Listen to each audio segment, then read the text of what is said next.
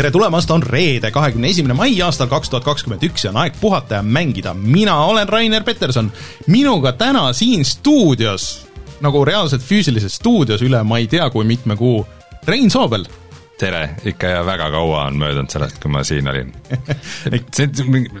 ma tulin stuudiosse sisse, majal oli teine korrus tehtud, ma, ma ei teadnud. jaa, see on jah, juba päris tükk aega olnud siin, nii et ma ei tea, Martin, kas sina oled reaalelus seda üldse näinud siin, millal sina viimati käisid siin? Olen küll, ei ma käisin märtsi lõpus vist jah, ma käisin see oli siis Martin Mets, kes on äh, ka meiega, aga Martin on ikkagi eemalt ja jätkumas on Eesti mängude kuu ja kauaoodatud külaline Kaspar Tammsalu. tere! Äh, Kaspar, kes siis ei tea, on osa Zaumist, kelle tehtud on siis äh, kõige kuulsam, kõige paremini vastu võetud Eesti mäng läbi aegade Disco Elysium. tere tulemast, Kaspar! tere veel kord Kaspar, kusjuures sul ei ole esimene kord käia saates, sa käisid kunagi ka ammu-ammu enne, enne tegemist meil külas. mingi aasta või kaks enne launch'i äkki, tõesti. ma ei tea, kas keegi on Xiaomi'st vahepeal käinud, ei ole?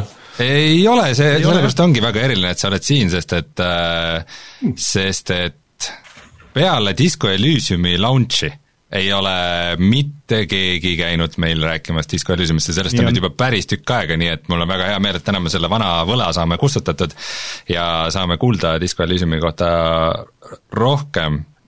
Äh, ja ma mõtlen, et et umbes nii ammu käidi meil külas Disco Elysiumist rääkimas, siis ta oli veel No Truth with the Fury. just lausa nii ammu okay.. see oli tõesti, see oli kaks tuhat seitseteist äkki või? jah, see oli siis, kui käisid, äh, käisid siis äh, Rostov ja Kurvits ja,. jah, jah, jah ja et äh, et, et tore, et äh, said tulla ja, ja meil on kindlasti väga palju küsimusi sulle ja, ja kõik kindlasti huviga ootavad äh, siis siseinfot Disco Elysiumi tegemise kohta ja kuidas teil läinud on vahepeal.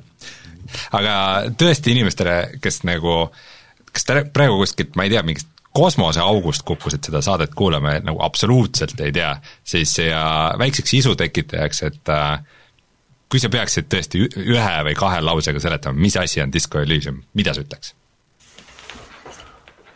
seda pole pidanud tükk aega pitch ima ma arvan, et Disco Elysium on äh, väga omamoodi rollimäng. täpselt nii lakooniliselt aitäh, sain vastuse. Äh, see on see ühe korruse elevator pitch, et äh, väga kõrgele ei pea sõitma aga Kaspariga me tuleme kohe tagasi ja räägime pikemalt, ma viskan kõik need kohustuslikud asjad siia ette ära, ehk siis äh, meid leiab SoundCloudist, Spotify'st, äh, põhimõtteliselt igalt poolt internetist, äh, kust podcast'e saab, siis meid saab toetada Patreonis, patreon.com, kaldkriips puhata ja mangida. Pat-, pat-, pat-, Patreon. just, ja eraldi tahaks tänada Taavit, jutlustaja X-i, Failissit, Jaagu GameCami, Dev0 ja Randroidi. Või Randro-, Randro 1D, ma ei teagi, ma arvan, et Randroid peaks Randroid olema. ja kui te tahate, et me iga saate alguses teie nime loeks maha, siis meie Patreonist leiate kõik need viisid, kuidas seda teha, peamiselt see, et kui te toetate meid natuke suurema summaga, aga otse loomulikult meil on väga hea meel kõikide meie toetajate üle ja kõikide teie nimed, kes on aktiivsed Patreonid, patroonid, lähevad siis iganädalasse mänguvideosse lõppu, saate sealt oma nime lugeda ja, ja siis lisaks ka kõik muud hüved, ehk siis tasuta mänge ja särke saab ja kõiki neid asju, nii et patreon.com, kaldkriips puhata ja mangida leiab kõik need asjad. ja siis on meie YouTube'i kanal, Youtube, Youtube.com, kaldkriips puhata ja mangida, kus äh, igal neljapäeva õhtul oleme laivis, saate tulla meiega chattida, valida rahva kulda, äh, järgmine nädal äh, on väga oluline olla kõigil kohal, sest et järgmine nädal siis rahva kullas saab valida parimat Eesti mängu läbi aegade Martin lubas selle välja, nii et see jääb Martini õlule korraldada järgmine nädal. See nädal valisime parimat uue generatsiooni konsooli ja no suurt üllatust ei olnud, äh, valim, valim küll ei olnud ka nagu väga suur, aga et noh et kümme ühele võitis PlayStation viis. PlayStation viis, nii et äh, kui te arvate, et see on ebaõiglane, siis olge platsis igal neljapäeva õhtul noh, kaheksateist viiskümmend viis või siis kell seitse hiljemalt, loodetavasti. Äh, ja, ja teisipäeviti tuleb meie YouTube'i kanalile videosid, äh, praegu siis Eesti mängudest, näiteks see teisipäev tuli Eesti, Eestis toimuv mäng Resident Evil kaheksa. no äh, jah, väikse, meil mõned plaanid läksid uppi, aga, aga selles mõttes, et Ida-Euroopas see siiski toimub, noh, päris Eestit sealt välja ei loe, mingi Poola või Rumeenia võib-olla küll, et Rumeenia ilmselt on nagu see kõige suurem inspiratsioon sellele, aga eelmine nädal läks siis video Headbangers in Holiday Hellist ja siis järgmine nädal, ma ei tea, kas võib, võib juba välja kuulutada, mis tuleb või? mis video? mis video, jah. Äh, no me proovime teha siis Plastronaudi mitmikmängu video mm. -hmm enne, kui mäng väljaski on, nii et äh, siuke... jah, väga eksklusiivne. just äh,. Nii et niisuguseid asju toimub meie YouTube'i kanalil, minge vaadake, minge likeige, share'ige, kõik on väga teretulnud. nii, aga Martin, millest me siis uudistes räägime pärast seda, kui me oleme Kaspariga jutustanud veits aega? no me räägime natuke sellest, et me, mis värk selle Nintendoga jälle on, et teevad oma vanu trikke. Ja siis räägime sellest, et GTA viis ilmub, ma ei tea, mitmendat korda. ja The Last of Us kaks sai siis nüüd ka Playstation viie patch'i ja paar väikest asja veel ja millest mõnest tegelikult mina ei saa aru selge. aga äh, me oleme kõik nüüd proovinud Resident Evil kaheksat ka, nii et äh, me saame sellest veel rääkida ja sul on see Soulstorm läbi, nii et äh, ootan huviga neid lõplikke muljeid. aga tuleme siis kohe tagasi ja räägime Kaspariga Disco Elysiumist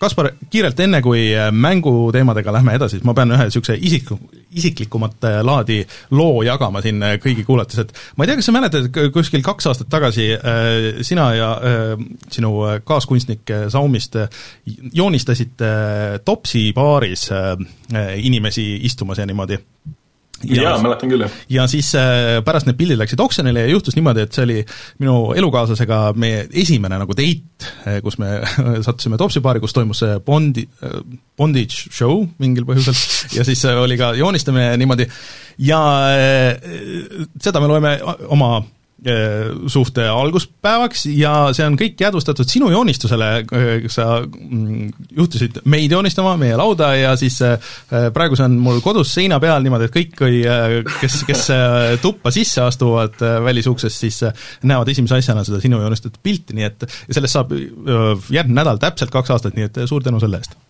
palju õnne, väga äge aga see oli minu isiklik niisugune äh, anekdoot siia äh, ja siis äh, võime edasi minna nüüd selle mänguarendusjutuga.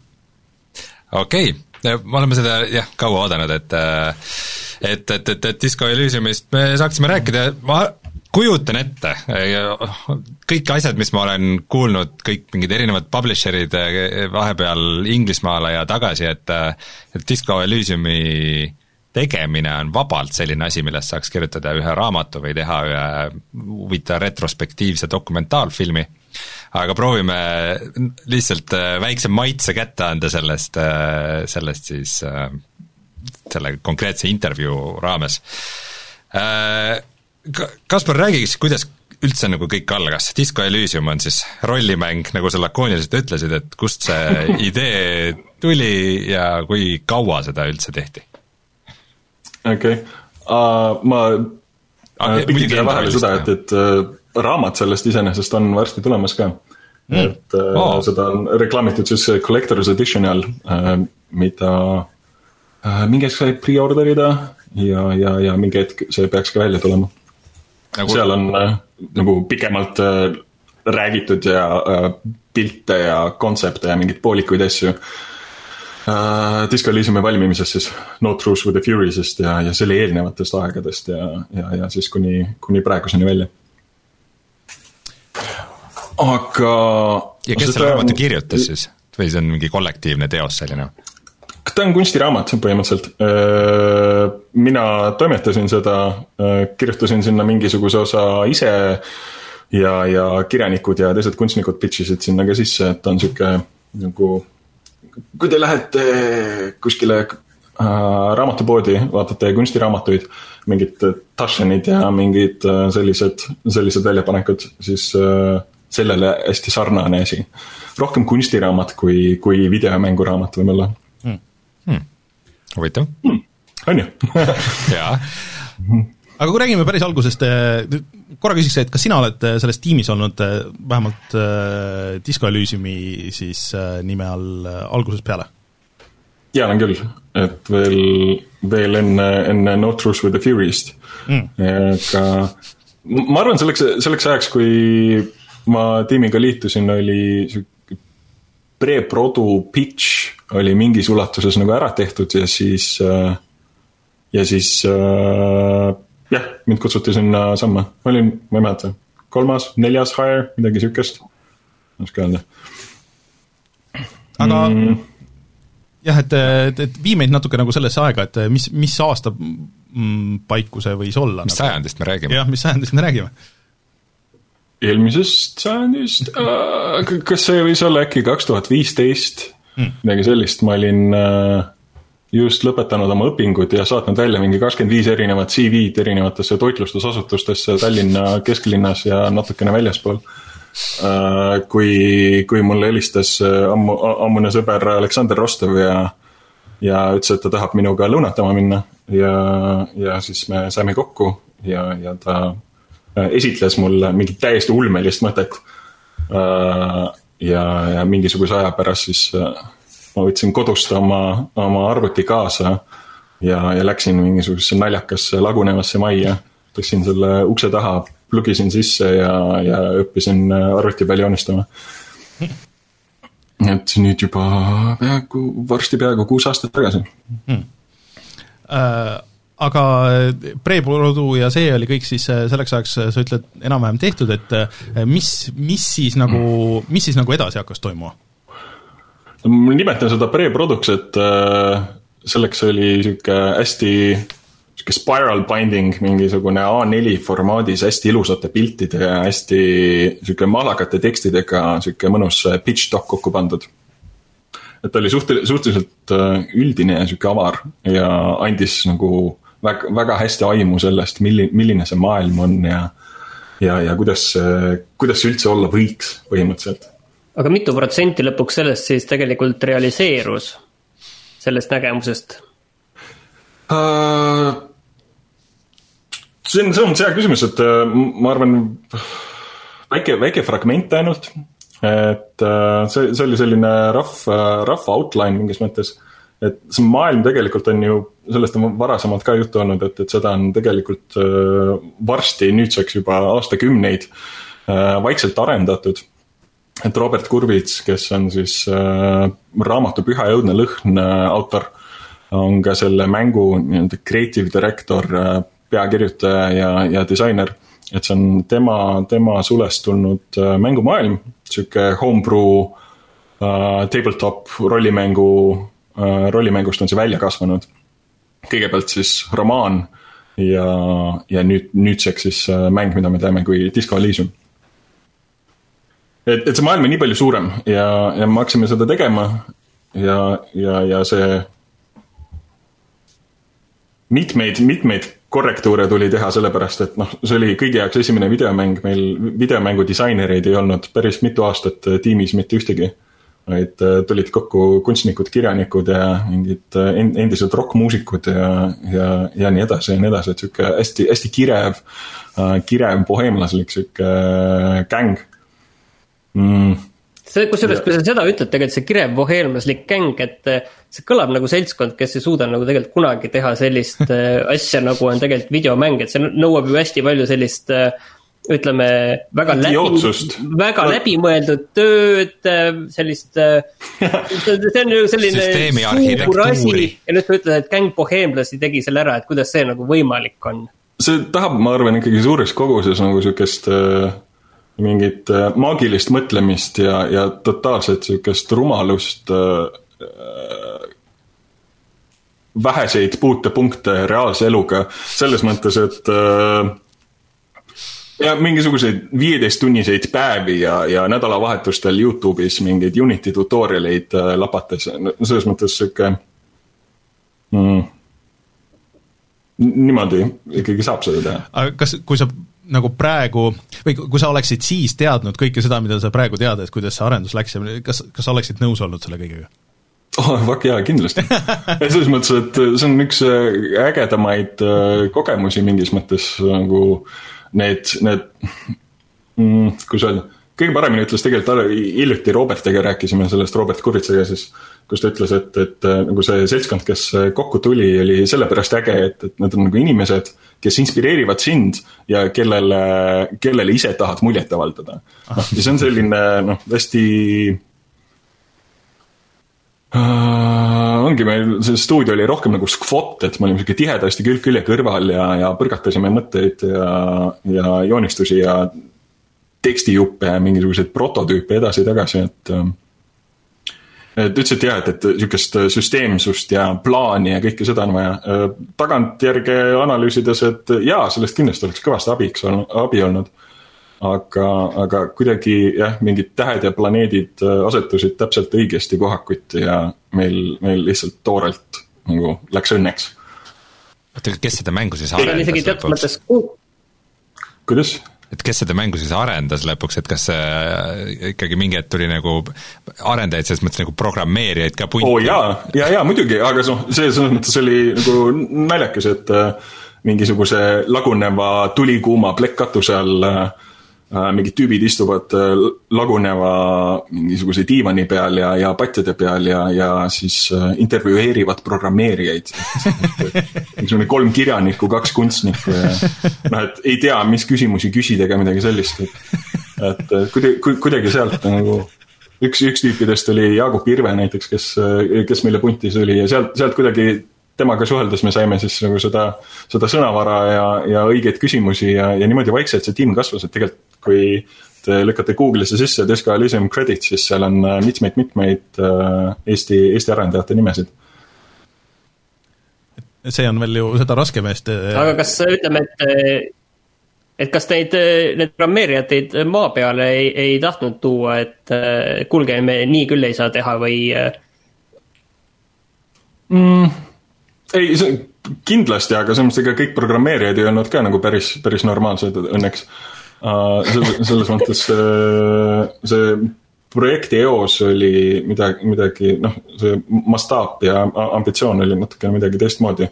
kui noh, tegemist tegelikult on ju tarkvaraarendusega, et äh, see on mingisugune asi, mis peab nagu arvuti peal töötama ja aga, aga, aga mis see täpselt on ja, ja kuidas, kuidas eritub te,, eristub teistest samasugustest mm,? see, see tahtis sihukest huvitavat kooslust inimesi mm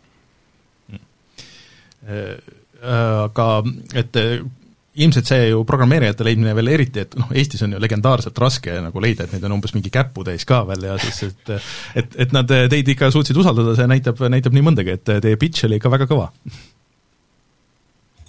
noh, takkajärgi nüüd vaadates äh, tundub nii ma mäletan nagu, kui kunagi Kurvits ja Rostomel käisid esimest intervjuud tegemas, kui ilmselt ma üldse ei kujuta ette, mis, mis, mis etapis kogu see projekt võis olla, siis oli nagu alguses äh, nagu jutt, et, et jah, et see on niisugune hästi, hästi väike jupike tegelikult, et sellest mängust, mis me tegelikult tahame teha, et äh, et noh, selles mõttes tundub, et mingis mõttes ikkagi oldi tollal maa peal äkki siis oli maandumise protsess või midagi sellist käsil parajasti, et äh, kui, kui juttu jah, siis oli nagu no truth with the furious, siis, siis äkki tõesti oli see hetk. aga noh, mingi hetk me olime mm,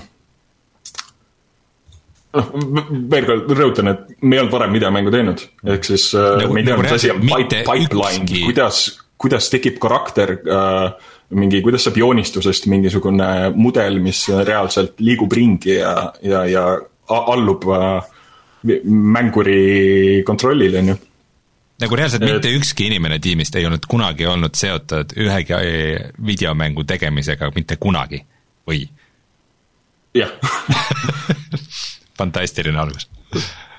et see, see aga natukene seda poolt, et mm. -hmm. aga natuke seda poolt, et äh, kuidas see muutus siis tegelikult toimus, et tegelikult seal oli ju meil äh, nimemuutus ja, ja siis kuskil mingil hetkel toimus see, ka see skoobi muutus ju no siis, kui me hakkasime neid pipeline'e paika saama, et kuidas, kuidas olidki esimesed karakterid said äh, nagu pliiatsi joonistusest äh, mootorisse pandud, valgus peale, allub, allub hiireklõpsule ja nii edasi äh,. siis me tegelikult saime aru, et, et see e-, esi, esialgne plaan nagu pooleteise aastaga see asi valmis teha ja nagu Steam'i üles saada, et äh, see ei olnud realistlik. ja siis äh, saigi maha istutud, veits, veits otsi kokku tõmmatud, nii umbes viis korda esialgsetest nendest äh, ambitsioonidest. ja, ja siis, siis me olime õi-, õi-, õige tee, teeotsa peal nii-öelda. aga siis läks ikka veel, kas, ma ei tea, kolm aastat, neli aastat ma ei tea, kaua, päris mitu aastat läks enne, enne kui see asi välja tuli. tõesti, päris mitu aastat. Et äh, ma pean äh, tunnistama üles, et, et selles mõttes, et äh, ega me ei, ei olnud väga positiivselt meelestatud siin, et, et see tundus kõik nagu, et noh, me teadsime seda, et, et kõik on eh, kunstnikud ja niimoodi, et, et see, noh, pildid nägid ägedad välja, aga et keegi ei ole enne mängu teinud ja et läheb muudkui, aina aasta läheb juurde ja aasta tuleb juurde, et et sellest kas tuleb kõige ägedam mäng üldse või siis sellest ei tule nagu mitte midagi, et see kuskile upub sinna Steam'i ära, aga mul on väga hea meel, et te tõestasite minu jutu täiesti valeks ja sel-, valisite see nagu selle, selle oluliselt äh, harvemini juhtuva tee nagu, et, et.... ei, ma mäletan küll seda ja see oli mingi puhata ja mängida saates mingi äkki pool aastat enne, enne seda, kui mäng välja tuli, kus, kus te kõik olite seda demo mänginud ja siis äh, olite, olite jõudnud seisukohale, et ei, et, et see, see, see ei saa veel nagu müüki minna. Vot, et, et äh, aga meil on väga hea meel kõigil, et, et me eksisime ja et see on tõesti nagu selles mõttes, et kõik võitsid sellest, et meie eksisime aga räägi äkki sellest, äh, kas, ma ei teagi, kas me nüüd oleme juba sujuvalt jõudnud launch'ini, äh, seal on kindlasti ja. mingeid huvitavaid asju, mis veel enne toimus, aga, aga kui see mäng lõpuks siis laivi läks, äh, esialgu ainult Steamis, eks mm, -hmm. mis siis nagu toimuma hakkas um,? Selles mõttes, et tore on mõelda sellest, et kuskil oli suur punane nupp, millele siis nagu Mikk Metsenit vajutas nagu oma ilusa maniküüritud sõrmega peale ja, ja mäng läks tiimi üles ja ja siis hakati, ma ei tea, mingeid šampuseid avama ja raha lugema ja, ja kõik läks nagu ägedaks. aga tegelikult siis noh, stuudio perspektiivist väga midagi ei muutunud, sellepärast et eh, jälle see tarkvaraarenduse mõte siinjuures, et, et kui sa annad selle me olime seda mängu testinud. Nii palju, nii palju, kui me saime ja meil võimalik oli, aga kui ta ikkagi läks nüüd äh, tuhandete inimeste arvutitesse, siis sealt tuli neid veateateid ja jamasid hästi, hästi palju tagasi. Mm.. noh, see, see ei olnud sihuke päevaprojekt, see ei olnud nädalaprojekt, et töö ei saanud otsa. Mm aga suures plaanis, et kuidas äh, inimesed nagu seda kõike ikkagi nagu, et noh, tehniline osa tehniliseks, aga kuidas inimesed seda kõike vastu võtsid, et kas te olite nagu valmis selleks, et see tagasiside nagu nii positiivne on või või äh, olite te ikkagi nagu üllatunud sellest? aa, sa mõtled stuudiost väljastpoolt või? nojah okei, äh, selles mõttes ootused, ootused olid suured Uh, et see ei tulnud mitte kellelegi üllatusena üldse, et äh, mäng hästi vastu võetakse, sest loomulikult. ei, me olime, vaata, me olime käinud aastaid, mitu aastat olime käinud messidel näitamas seda mängu, demomas ja ma selles mõttes on häbi selle, selle lakoonilise pitch'i eest, mis ma teile andsin, sellepärast et äh, mingi hetk ma olin nagu palju, palju parem selles. nüüd juba kolm aastat tagasi. et, et me olime näinud, et mängijatele meeldib see mäng ja, ja noh, me olime messi, messi põrandal olime kohtunud teiste mängudisaineritega, kes ka nagu noogutasid kaasa, olid nagu, et jaa, jaa, et kuulge, et see näeb nagu ülituus välja ja nii edasi. aga, aga seda garantiid, et, et seda reaalselt mingisugust obskuurset rollimängu, kus isegi sa ei saa kedagi ära tappa äh,. noh, et, et, et keegi seda ostma hakkab või noh, selles mõttes sel-, selles ei olnud keegi osanud seda oodata vot ma mäletan ise tegelikult enda ühte arvamust, äh, mis oli see, et, äh, et sellest saab ikkagi väga selline niši kultusmäng, aga see ei tee sellist, äh, sellist müüki, nagu see tegelikult tegi mm. -hmm. et võib-olla see oli nagu rahva jaoks, mulle tundus, et see võib olla liiga palju, aga ilmselt ma siis rahvast alahindasin no seda, et ta mingisugune sihuke nišikas, nišikas äge asi kellegi Steam library's on, seda, seda ma ei tea, ma isiklikult vähemalt äh, äkki kaks aastat enne launch'i juba vaatasin seda, et, et kurat, see on, see on päris äge, selles mõttes, et äh, vaatamata kõigele nagu see asi läks järjest ägedamaks, järjest äge-, viimaste kuudel enne launch'i see asi veel läks järjest ägedamaks, peale selle veel, et, et ta läks järjest töökindlamaks ja, ja, ja nagu mõnusamaks mängida tänu sellele, et ta kogu aeg ei, ei jooksuta su arvutit kõhku või sulata, ma ei tea, graafikakaarti üles. aga et üli, üli, ülihea meel, et see peale läks, et selles mõttes see on väga tore. Aga no see läks nii hästi, et kes seda videoversiooni vaatavad, siis Kaspari selja taga on see Time'i ajakirja esikaas, kus on Disco Elysium peal, et, et väga paljud inimesed üldse maailmas ei, ei saa, ei saa niisugust asja ette näidata, et see on, see on, kõik on väga tuus.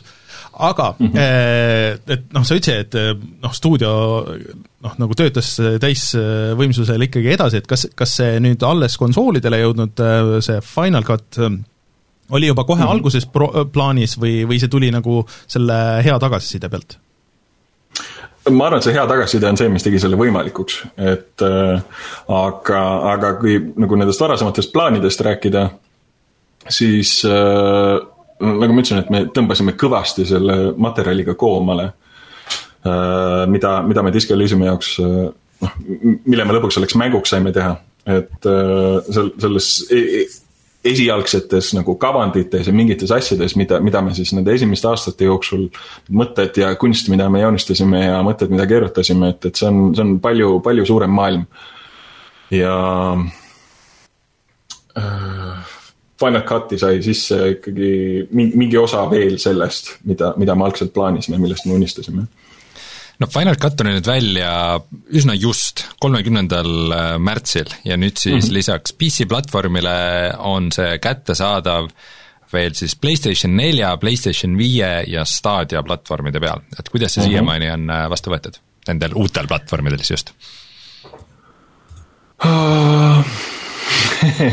selles mõttes, kui nüüd vaadata mingit Metacriticu skoore, siis äh, väga hästi, selles mõttes, et täishelindatud mäng äh,, lisacontent äh,, noh see, see, see kõik võeti väga hästi vastu, aga, aga kui Twitteris roll, scroll ida tagasi nüüd mingisugune varsti poolteist kuud või, siis äh, konsoolimängijad hirmus, hirmsasti pahurdasid. no me tegime esimest korda PC-mängu poolteist aastat tagasi andsime välja, on ju. ja, ja siis äh, peale seda nüüd hakkasime tegema mingit konsooliporti ja nagu see, see oli päris, päris äh, huvitav, huvitav väljakutse, et ma arvan, teist korda teha äh, äkki, äkki läheks libedamalt, samas ei tea, ma ei tea. et al alguses nagu neid asju, mis katki läksid nagu igal, igal tüübil on oma mingisuguse aastakäigu konsool kusagil ja, ja mis on teistmoodi, ongi, et kui me enne tõstsime selle asja PC peale ja tõstsime mm, Steam'i, panime publish üks punane nupp, mida Mikk pidi vajutama. siis äh,, siis nüüd seal vahepeal tuli see mäng Maci peale välja. ja, ja siis nüüd ta on Stadia peal ja siis ta on Playstationi peal ja ja kahel erineval Playstation, mis tähendab seda, et iga asja jaoks on vaja teha eraldi, eraldi põhimõtteliselt mäng kokku pakendada noh, eksponentsiaalselt need võimalused, mis asi saab katki minna või mingi pekki minna, lihtsalt kasvab. Ma mõtlesin, et kogu konsooli point ongi see, et need on enam-vähem samasugused alati ja et äh, võrreldes arvutiga on see palju lihtsam, ju siis mitte. mängija Ei, jaoks on. Mängija jaoks kindlasti on jaa, et selles mõttes, aga, aga nagu oleks siis nii aga ma saan aru, et äh, PlayStation äh, neli ja viis on alles ja Mac ja Stadia on alles mm -hmm. algus, et noh, neid folder eid tuleb juurde, kuhu on iga kord vaja kõik uuesti pakkida, et mm -hmm. et Switch ja Xbox on ikkagi plaanis, jah? jaa, on küll jah, need on töös. ja nüüd me saame küsida siin saates, et noh, et kas eksklusiivi saab, et millal siis need võiks välja tulla? Nende väljatuleku kuupäeva pole siiamaani välja öeldud ma arvan, et eksklusiivselt võin mõelda, et need tulevad see aasta välja Nice. aga no praegu on ju keerulised ajad, et kas te olete ka nagu selle Covidiga pihta saanud nagu selle arenduse võtmes või te töötasite juba enne nii laiali, et, et teid see väga palju ei puudutanud? no selles mõttes, et mina olen nüüd mitu, mitu kuud ainult siin selles ruumis olnud, et äh, kõik see, mida te näete, see on see, mida näevad kõik minu kolleegid ja sõbrad ja tuttavad uh,. keeruline on olnud ja, ja samas huvitav, et ma ise imestan seda, et, et nagu Jim Ashlevi ja Punt suutsid kogu selle mängu ära helindada kuidagi remotely üle, üle interneti, kohad teinekord salvestades üle Zoom'i ja midagi sellist, et et äh, aga praeguseks äh, ma ei jõua ära oodata jälle, et inimese näost näkku näha, aga, aga nagu masinavärk seisma ei ole jäänud hmm. Disco Elysium on äh, nagu kaugelt kõige suurem mäng, mis Eestis on tehtud oma skoobi poolest, et äh, sa enne nagu pisut andsid vihjeid, aga kui palju inimesi seal lõpuks disko peal töötas?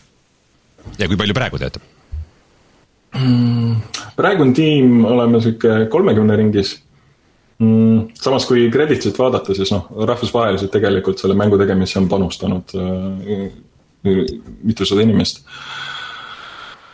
et äh,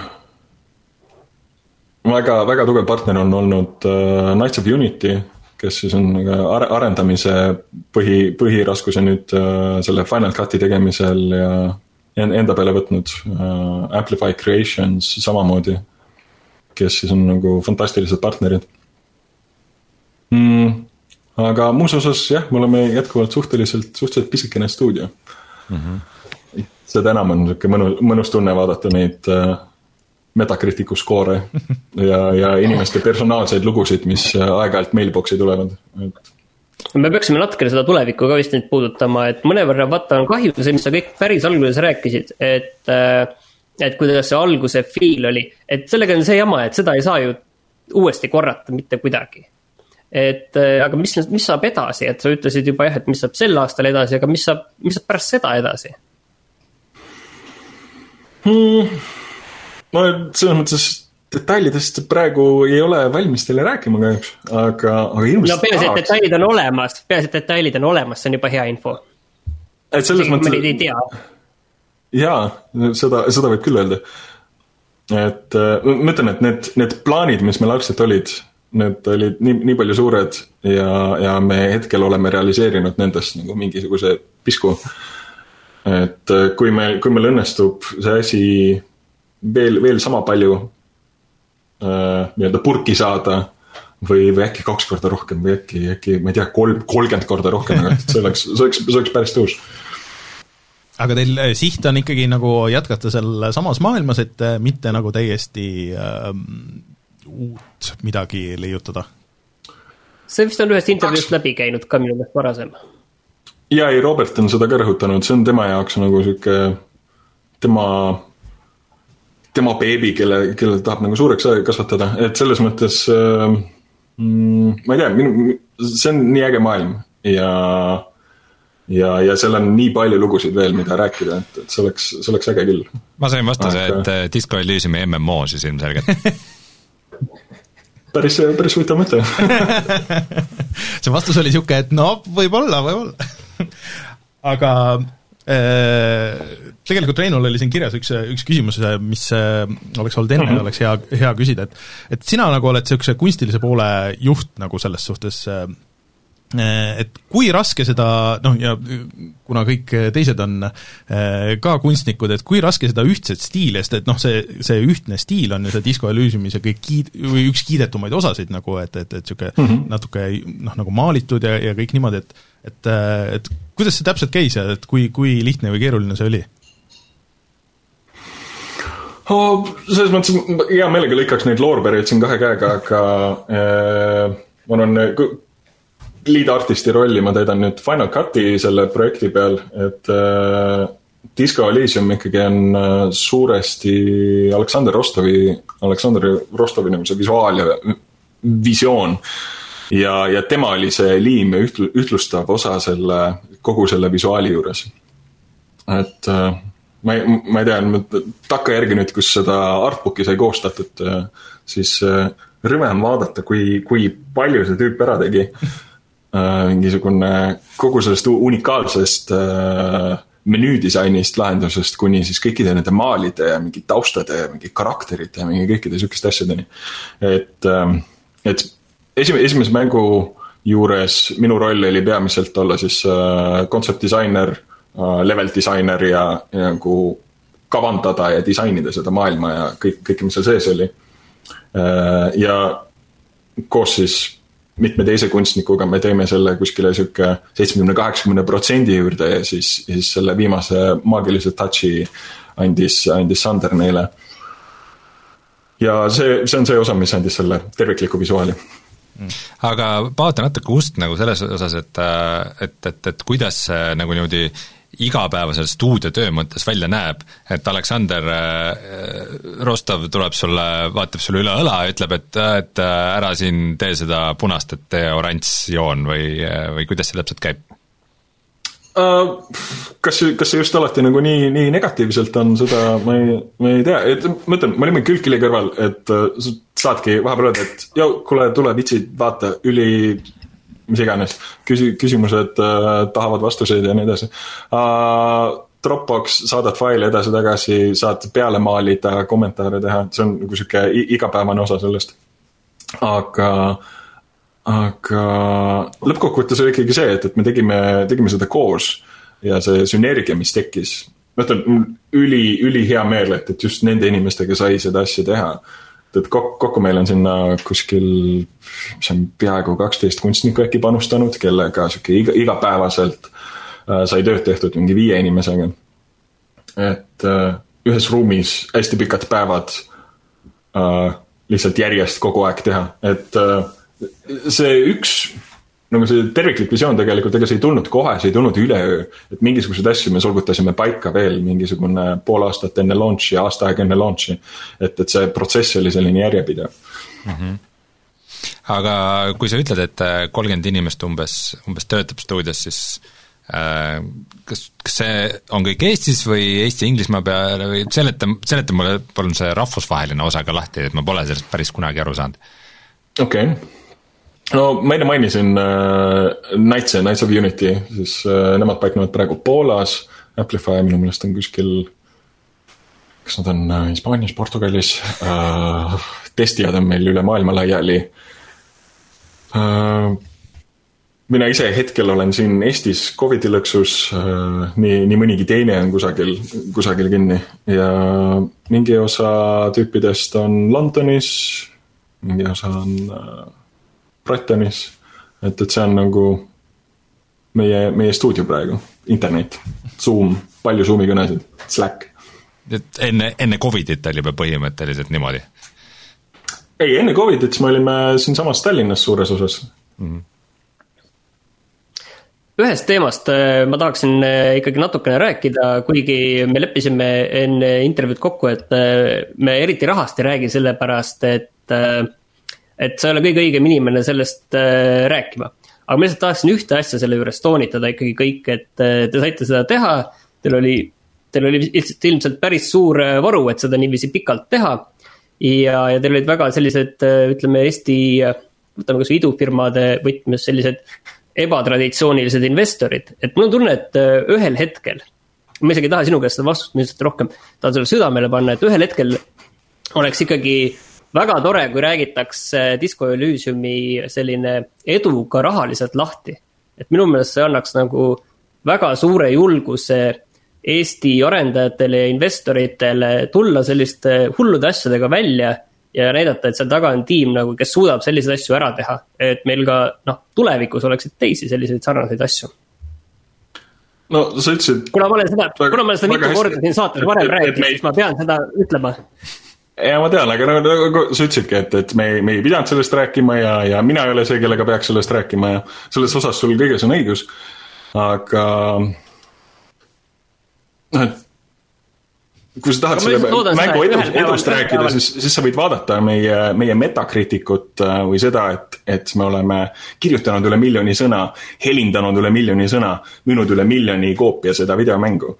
et äh, yeah.. ja ma lihtsalt tahan panna teie tiimile südamele, et ühel päeval tuleksite ja räägiksite, räägiksite ka sellest, et ma ei tahagi, et sa praegu seda teeksid arvestades, et ma ise praegu olen äh, protsessis, kus ma otsin mängule rahastust, siis ma saan aru, mida, mida Martin tahab öelda.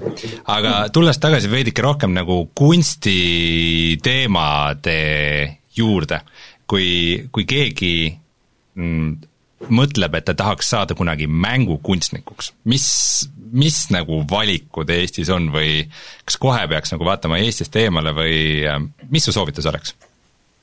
sa mõtled nüüd kunstnikuna või videomängustuudiona otsides kunstnikke? Äh, ma mõtlen just seda, et, et mis eriala peaks õppima, et kui keegi tunneb, et teda huvitab äh, mängud, aga just selle nagu visuaalne kunstiline pool, kas siis 2D kunst või 3D kunst või concept art või nagu, või mm -hmm. nagu mis iganes, et kas äh,, kas sinu soovitus oleks minna Eesti Kunstiakadeemiasse õppima või, või läheneda sellele kuidagi teistmoodi? ma ei tea, ma ise, ma ise läheksin Tartusse kõrgemasse kunstikooli Pallas näiteks mille pusa sul on ka kuidagi strateegiliselt toolileenile pandud veits, veits olen kallutatud jah. Mm.. siis ma olen mingi, mingid aastad nagu seal, seal kohapeal olnud ja nagu näinud, et, et see, see asi, mida seal aetakse, minu meelest on äge. Äh,.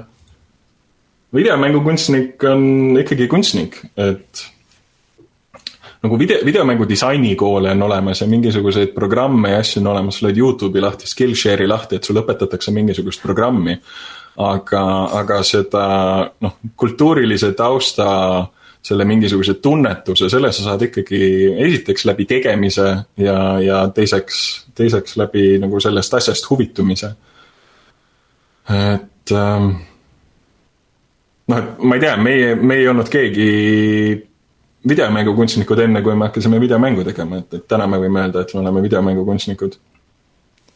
või videomängudisainerid, et äh, mängud peavad meeldima, see, see peab olema nagu huvitav sinu jaoks, et, et sa pead nägema selles nagu seda potentsiaali. kus, see on, see on kollektiivne protsess, kus tulevad erinevad inimesed kokku. kirjanikest kunstnikeni välja. arendajate, programmeerijate, helimeeste, muusikute, noh. Sky's the limit, keda võib, keda võib, kelle kompetentsi seal võib rakendada. Mul hakkab vaikselt äh, välja kooruma nagu nagu vastus või, või niisugune muster, et, et kui kui me räägime justkui Disco Elysiumist kui Eesti kõige suuremast nagu videomängust, siis nagu tundub, et teie olete need küsimused, need inimesed, kelle käest peaks küsima, et kuidas asju peaks tegema.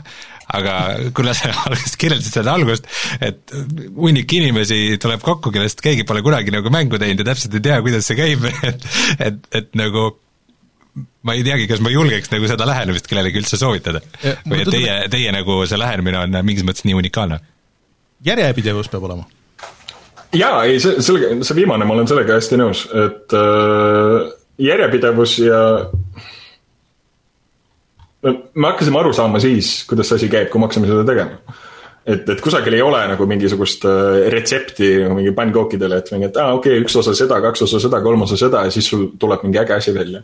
Et äh, me nägime, et see asi on äge, meile see asi meeldis, me nagu olime tegemas seda, sellist mängu, mida me ise tahaksime mängida, sellist asja, mida, mida veel maailmas ei olnud, proovida välja nuputada mingisuguseid uh, mängumehaanikaid ja, ja, ja visuaali, mis, mis paistaks teiste asjade seast välja ja, ja kui, kui see ei olnud võimalik, siis vaadata, mida teised on sama asja teinud ja proovida kuidagi ägedamaks teha või kuidagi rohkem enda moodi teha.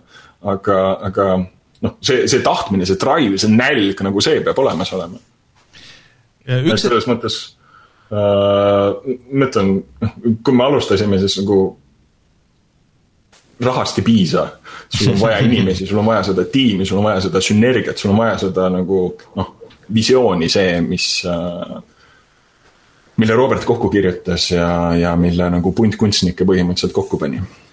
kusjuures see, see on väga hea point ma loodan, et ma saan aru, et sa oled selle Pallasega natuke seotud ja et, et seal selle, sellest tuleb palju juttu, et mida ma olen kuulnud äh, kriitikana teiste Eesti kunstikoolide kohta, äh, on see, et äh, selle lõpetajad ei, on, on võib-olla okeid kunstnikud, aga nad ei oska teha koostööd või tiimitööd, et äh, mulle tundub, et mida kiiremini inimesed selle nagu ära õpivad ja äh, mida paremini tiimis töötavad, siis mm -hmm. see on nagu väga suur eeldus, et kõik see, mis sa oled rääkinud, et kuidas te olite seal külg külje kõrval tundide kaupa äh,, tekib mingisugune sünergia, on ju, juba iseenesest, et et, et kui sa oled koolis, sina kuulaja, kes sa tahad saada mängukunstnikuks, ma arvan, et eh, mida varem sa leiad eh, mingid mõttekaaslased ja hakkad midagi nagu koos tegema, seda parem, et isegi kui see kukub läbi, aga sul on see kogemus olemas, mida tähendab kellegi teisega nagu tööd teha, sest et ma olen olnud selles situatsioonis, kus ma olen otsinud kunstnikke ja neid tööle võtnud ja siis vahest nagu portfoolio on ilus jälle ja siis, kui ta kellegagi koostööd tegema ja seda päris tingimustes tegema, siis eh, kukub nagu kokku see kõik ma arvan, hea mõte on nagu kohe, vahet ei ole, mis kooli sa lähed, vahet ei ole, kus sa oled või mida sa teed, lihtsalt ära, ära ole nõme. ja nagu proovi, proovi olla piisavalt tore, kellega on hea läbi saada, et äh, nagu noh, ma ütlen, et Disco Elysiumi näitel, mis on nagu väga ebatõenäoline asi üldse, aga, aga ma sattusin selle peal, selle projekti peale sellepärast, et, et noh, minu sõber oli sellega tegelemas, noh, et kuidas me üldse saime olla sõbrad ja nii edasi, noh, et, et kuidagi pidi midagi seal olema. selle koostöö osas, ega see oli minu jaoks esimene selline koostööprojekt. et enne seda ma olin ikkagi noh, ka kunstiakadeemia diplomiga sihuke et, ettekujutusega, et, et ma pean nagu üksi läbi lööma või kuidagi ja noh, alg-, alguses see oli keeruline, ilmselt aitas see, et, et me kõik olime sõbrad. Ja kellega veel ei olnud sõbrad, siis noh, see kaevikutes koos nagu see asi üle elada, et sa teiselt poolt tuled paratamatult nagu sõbrana välja mm,. ma arvan, et trikk on siis, kui sa satud mingi siukse, siukse projekti peale, kus äh, kõik on võõrad. ja siis on jälle eriti oluline on see, et ära ole nõme see on väga, väga, väga hea, hea nõuanne. aga enne, kui me hakkame sinuga asju kokku tõmbama, otsi kokku tõmbama sinna, siis ma küsin, et kui sa nüüd vaatad, noh, põhimõtteliselt on kaks versiooni juba Disco Elysiumist on välja tulnud, kas on veel kuskil üks asi, mida sa vaatad, ah, oleks mul kaks päeva, oleks üks või kas on üks mingi konkreetne asi, mida sa vaatad iga kord, iga kord, kui sa näed seda, siis ah, mul hakkab pea valutama, kui ma näen seda, et et oleks mul see kaks päeva, et see ära fix ida, kas on midagi niisugust veel? jaa, on küll. ma ütlen, mis see on kas see, kas see on niisugune asi, et mida, kui sa juba näed, siis, siis sa ei saa unsee ida seda? jaa, ja see, selles mõttes see on nagu hästi karm, eriti kui sa oled nagu aastaid üht, ühte mingisugust asja teinud ja noh, at the end of the day ma olen ikkagi kunstnik ja ja kui, kui ma näen enda mingisugust loomingut, noh ei tea, ma olen eestlane ka, aga alati saab paremini. ja nagu, ja noh, teine asi on see, et, et kui me alustasime, siis, äh, siis need oskused olid nagu ühesugused ja, ja aastaid hiljem need oskused on teistsugused, et. kui sa enne küsisid, et, et kui nagu praegu peaks uuesti seda tegema, siis jumala eest ma tahaks seda uuesti teha sellepärast, et noh, ma arvan, et nagu minu, minu panus oleks äh, äkki, äkki selle võrra parem. et ehk siis kolme aasta pärast remaster If God wills. nii, aga meil on siis äh, lõpetuseks üks niisugune traditsiooniline küsimus, jah? jaa, äh, Kaspar, äh, palun nüüd oma erudeeritud mängukunstniku filtri läbi nimeta kolm videomängu, mida sa kindlasti soovitaksid mängida. okei okay. mm,. kunstnikuna mulle väga, väga meeldis Loop Hero mis nüüd äh, hiljuti, hiljuti mingi ei kusagilt välja tuli, täiesti noh, uni-, unikaalse visuaali, ägeda, ägeda gameplay'ga uh,. ma ei tea, kas te olete sellest siin saates rääkinud, ole? ma, mul on see natuke huviorbiidis olnud, aga ma ei ole seda proovinud, nii et äh, ta on vist hästi sihuke unikaalne kontseptsioon, et oskad sa selle kiiresti ühe lausega lahti seletada? Põhimõtteliselt kõik sai otsa, peategelane hakkab maailma üles ehitama sellest, et ta liigub mingisuguse luubi peal ja siis äh, ta on nat-, nagu mingite erinevate žanride sihuke mash-up, ta on natuke nagu kaardimäng. ehk siis sa saad oma kaardipakki, saad mingisuguse portsu erinevaid efekte, mis siis ütlevad, kes sulle vastu tuleb, kui palju, mis erinevad mingisugused äh, võimalused sulle avanevad selles maailmas ja siis sa selle tühjuse seest kasvatad seda maailma kogu aeg ja siis äh, mingi hetk sa saad surma ja siis hakkad jälle otsast peale mm,. aga kogu see asi näeb äge välja, see, kuidas nad on seda pixel art'i kasutanud, need värvivalikud, noh, jube kunstiliselt jube, jube ilus, jube maitsekas, need animatsioonid, sihuke väga retro, aga samas nagu kaasaegse tehnoloogiaga vahenditega tehtud. Äh, mega. ta on nagu ähm, just DOS-i pixel art nagu niisugune mingi teatud nagu ajastu DOS-i mängude stiilis, et äh, mitte, mitte nagu konsoolimängude, aga just nagu arvutimängude stiilis. põhimõtteliselt jaa, aga, aga mis, mis on teistmoodi, on see, et et äh, ükski DOS-i mäng ei näinud nagu nii äge välja. see on niisugune, et kui sa mõtled, millised DOS-i mängud välja nägid, et, et ah, umbes niisugused olid ja siis, kui sa päriselt vaatad, millised DOS-i mängud välja nägid. ei olnud üldse sellised et äh, jah, mul, mulle ka väga meeldib see stiil, aga see mäng ise, mehaanikad, et see ei ole minu, minu teema nagu. Never say never, aga niisuguseid piksel, pikselmängu peaks loomulikult äh, ikka ainult CRT monitori peal mängima, on ju Rein, sa teed nalja, aga sa ei tea, kui mitu korda ma olen vaadanud CRT ei, ma ei tee nalja, ma ei tee nalja, ma mõtlengi seda, et äh, vaata digi noh, niisugune terava, terav piksel ei näe nii ilus välja, et see CRT annab sellele niisugust orgaanikat. ma arvan, Kaspar teab seda, et see on veel eraldi te-, tehnika, et kuidas vanasti neid konsooli ja, ja pikselmänge nagu disainiti niimoodi, et arvestusega, kuidas scanline'id ja need asjad nagu neid värve sulatavad ja nurke ära võtavad ja miks miks mõned mängud ei näe nagu tänapäeval väga head välja, kui sa vaatad seda lihtsalt puhast pikslit, aga kui sa vaatad seda CRT monitoril, siis, siis näevad. Kunstiajaloost või nagu videomängu kunstiajaloost, seda on hästi huvitav vaadata, kui nad hakkasid siis äh, mingid esimesed 3D-d tulid ja ja tegelikult nad tegid kõik mängud koledamaks, aga need olid ägedamad, sellepärast et oh fuck, kõik on 3D et, äh, et selles mõttes mul on jube hea meel, et, et mingid tüübid ikkagi võtavad nagu need piirangud ja selle asja sees noh, teevad parima piks-, kõige ilusama mm, pikselgraafikaga mängu põhimõtteliselt mm. -hmm. et see on nagu hästi, hästi tervitatav asi. Kaspari mäng number kaks. mäng number kaks mm,. ma endale üllatuseks, ma olen alati PC geimer olnud ja, ja ja, ja siis äh, mingi hetk sellest, et eristada natukene nagu tööd ja, tööd ja mäng, mängurlus, meelelahutust äh,, ma läksin konsooli peale üle ja siis äh, ja siis olin kogu aeg pettunud ja midagi ei meeldinud ja kõik oli nõme ja siis, ja siis tuli Ghost of Tsushima välja et see, kas ta on eelmise või on ta juba üle-eelmise aasta mäng? minu meelest eelmine suvi. eelmise. eelmise aasta. okei okay., aga noh, see, kuidas, mulle meeldib teda võrrelda selle Red Dead Redemptioniga näiteks, mis on nagu ülinõme selline nagu õnnetuse simulaator uh, siis äh, Ghost of Tsushima teeb analoogseid asju, ainult et ta on äh, äge, ta on nagu ilus, ta on parajalt videomäng, et sa saad nagu hobusega kapata nagu puude vahelt läbi.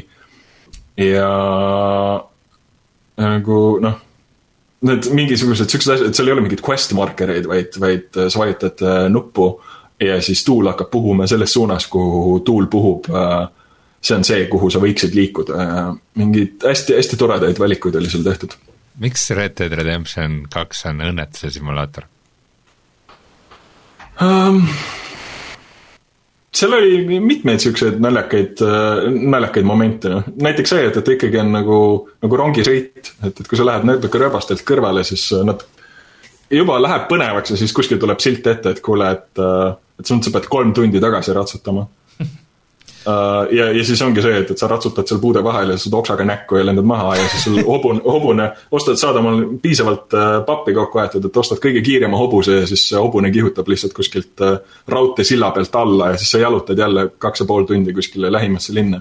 kus sind ootab ees sil-, silt, et sorry, siit sa ei saa rongiga minna, sellepärast et su story pole veel piisavalt kaugele jõudnud et äh, seal oli hästi palju üliägedaid nagu minigame'e ja mingeid asju, et, et kui sa tahad nagu ma ei tea, mingit naljakat üksi oma peas rollimängu mängida, siis tuus, aga, aga jah, kui see story sind kogu aeg kütkes ei hoia, siis ma ei tea, Ghost of Tsushima all the way ma ähm,, mul on tunne, et Red Dead on niisugune veider mäng, et ta oli välja tulles veidikene liiga üle haibitud, et nagu tagantjärele hakatakse ja noh, ja mingid missioonidisainid ja asjad, ma olen nõus, on niisugused hästi lineaarsed ja tuimad, aga et mm -hmm. et Red Dead Redemption kaks on nagu veidi selline mäng, mis võib-olla nagu, mida kunagi hiljem hakatakse kuidagi rohkem appreciate ima, mul on vahel niisugune tunne.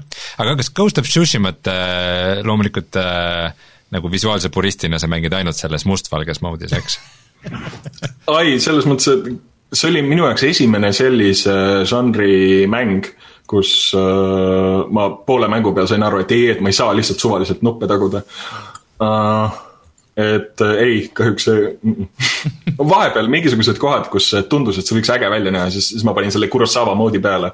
ja nagu mängisin mingisuguse koha uuesti läbi lihtsalt, et see tunnetus kätte saada.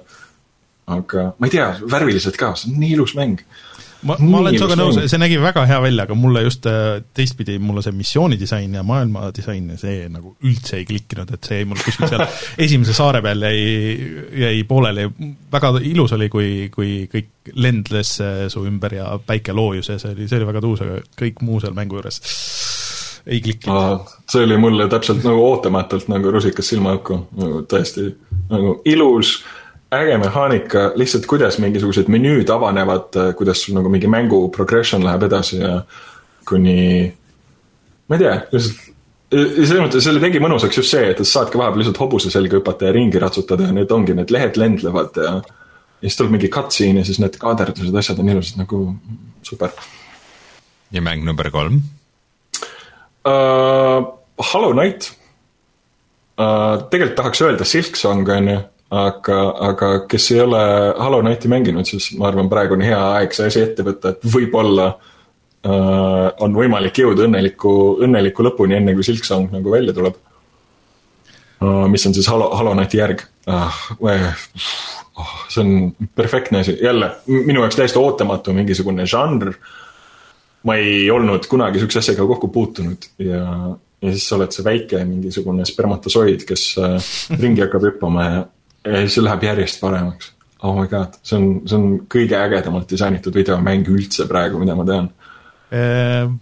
Mulle meeldib, kuidas, kuidas arvamused sul lähevad äh, Raineriga nagu nii risti kui jah, et äh, taaskord mäng, mida ma hakkasin, mulle väga meeldivad Metroidvaniad, ma olen, ma olen neid mänginud üksjagu ja Hollow Knight Äh, mulle üldse ei istunud, nagu tähendab, selles mõttes, et äh, mulle meeldib, kuidas ta välja näeb ja siis, aga seal -hmm. midagi seal kontrollis ja see, kuidas ta nagu seda kaarti avab, et äh, on teisi mänge, mis teevad nagu seda kuidagi minu jaoks palju paremini.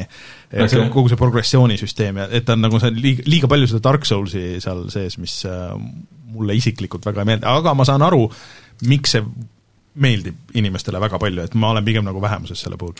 mulle vahelduseks meeldib lihtsalt see, et, et kui ma ebaõnnestunud, ma ise olen sitt et see et äh, ja ma siinkohal võin mainida vist seda, et ma ei ole seda kunagi ära lõpetanud, ma ei ole seda lõpuni mänginud. ma olen lihtsalt mingisugune, ma ei, ma ei tea, Steamis, ma ei ole kindel mit,, mitukümmend äh, tuhat tundi sinna alla pannud, aga, aga siis ma olen seda Pleikari peal mänginud ja siis ja siis äh, nüüd ka Switchi peal, parim asi üldse. et seda vist küll, et tõesti, et kui keegi plaanib seda osta, see Silksong vist tuleb tasuta, eks ole, mis on nagu suht kas tuleb Silksong tasuta, selles mõttes Äh, nagu... nagu Hollow Knight sai mingisugune, ma ei tea, kakskümmend DLC-d või midagi siukest, mis kõik oli siuke full blown, teeme terve mängu suuremaks ja ägedamaks ja, ja ilusamaks aga Silksong minu meelest on äh, eraldiseisev mäng tõesti. okei okay,, et äh, aga noh, igatahes, et see Hollow Knight ise koos nende DLC-dega, see on tõesti nagu mingisugune sada tundi nagu puhast content'i ja, ja siis sa pole ka näinud, ma ei tea, poolt sellest, et et mm, -hmm. et, et seda ma kõike austan, aga lihtsalt mul kuidagi ei klikkinud see, võib-olla ma peaks uuesti proovima lihtsalt, et äkki, äkki hakkab tööle uuesti. ma arvan, jumala okei okay on, kui sa nagu kirglikult vihkad seda mängu. ei, ma ei vihka kirglikult isegi ka mis on kahju nagu, minu, minus see tekitab hästi, hästi tugevaid tundeid mm.. ei, tõsi, ma kirglikult vihkan, vihkan teisi mänge kindlasti, aga, aga, aga, aga, aga Hollow Knighti mul, ma austan seda väga, aga ma ise ei jaksa seda mängida aga vot, nii, aga tõmbame siis otsad kokku äh, Kaspariga ja laseme Kaspari vabaks, et kas sul on midagi veel, mida sa tahaks öelda meile, meie kuulajatele, äh, algajatele mängudisaineritele või, või Disco Elysiumi mängijatele? Mängige Disco Elysium Final Cut'i ja öelge, mis, äh, mis teile meeldib ja mis teile ei meeldi. Aitäh! Aga me ootame siis huviga, et millal tuleb välja Switchi versioon ja Xbox'i versioon ja, ja siis loodetavasti see ei ole, Kaspar, viimane kord äh, sind siin meie saates näha, me kindlasti jutustame hea meelega sinuga veel, äh, mitte ainult siis, kui uus mäng tuleb, sest et noh, vaadates track record'it võib-olla siis kuue aasta pärast, eks ole, et see on nagu natuke liiga palju, aga aga loodetavasti näeme sind varem. Ja suur tänu siis eh, meile oma aega andmast ja loodetavasti läheb kõik eh, ka edaspidi Saumil väga hästi mm. -hmm. ja aitäh teile! aga palun, tšau! tšau! tšau!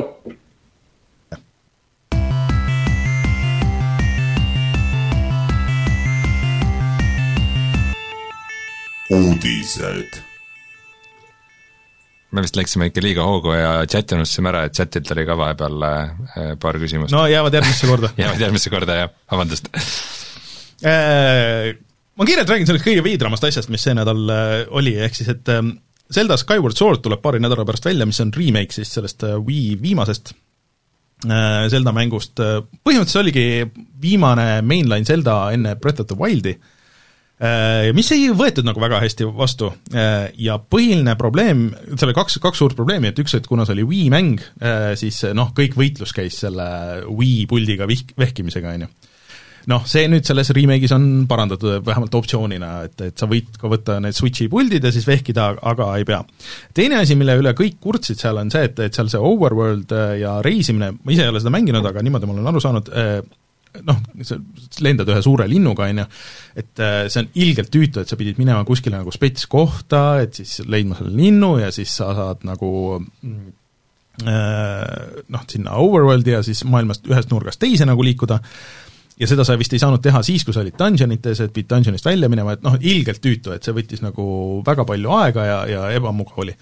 aga nüüd selgub, et oh, et selles uues versioonis seda ei ole, et sa võid iga hetk nagu hüpata selle linnu selga aga ainult siis, kui sul on see spetsiaalne Amiibo, mis maksab kakskümmend viis eurot äh, siin nüüd on ühesõnaga, me tegime nõmeda, me tegime nõmeda mängu äh, ja siis, äh, aga et sa tahaksid seda vähem nõmedaks teha, siis osta see Amiibo. just, et äh, muidugi selle peale läks kohe Twitteris lahti, et aa, et ei, et seal on hästi palju lahendusi on, et kuidas sa saad kloonida Amiibosid, et lihtsalt kui sul on mingid spets telefonid, et siis paned mingi äpi ja siis sul võib olla ükstaspuha, mis Amiibo nagu NFC-d peab toetama telefon no,. NFC mingi kiibi jah ja, ja, kopeerimine siis. ja et ühesõnaga, et see on nagu üks variant või siis siis, et lihtsalt tuleb kõvasti häält teha ja protestida, aga Nintendo tavaliselt ei kuule neid hääli, et see on nagu väga nõme lähe-, lähenemine, et äh, ma saan aru, et inimesed on kurtnud seda, et okei okay,, et Amiibod muideks on jätkuvalt väga populaarsed, need müüvad väga hästi, äh, need näevad tegelikult hea välja ja see Amiibo ka nagu konkreetselt näeb jumala äge välja, et noh, selle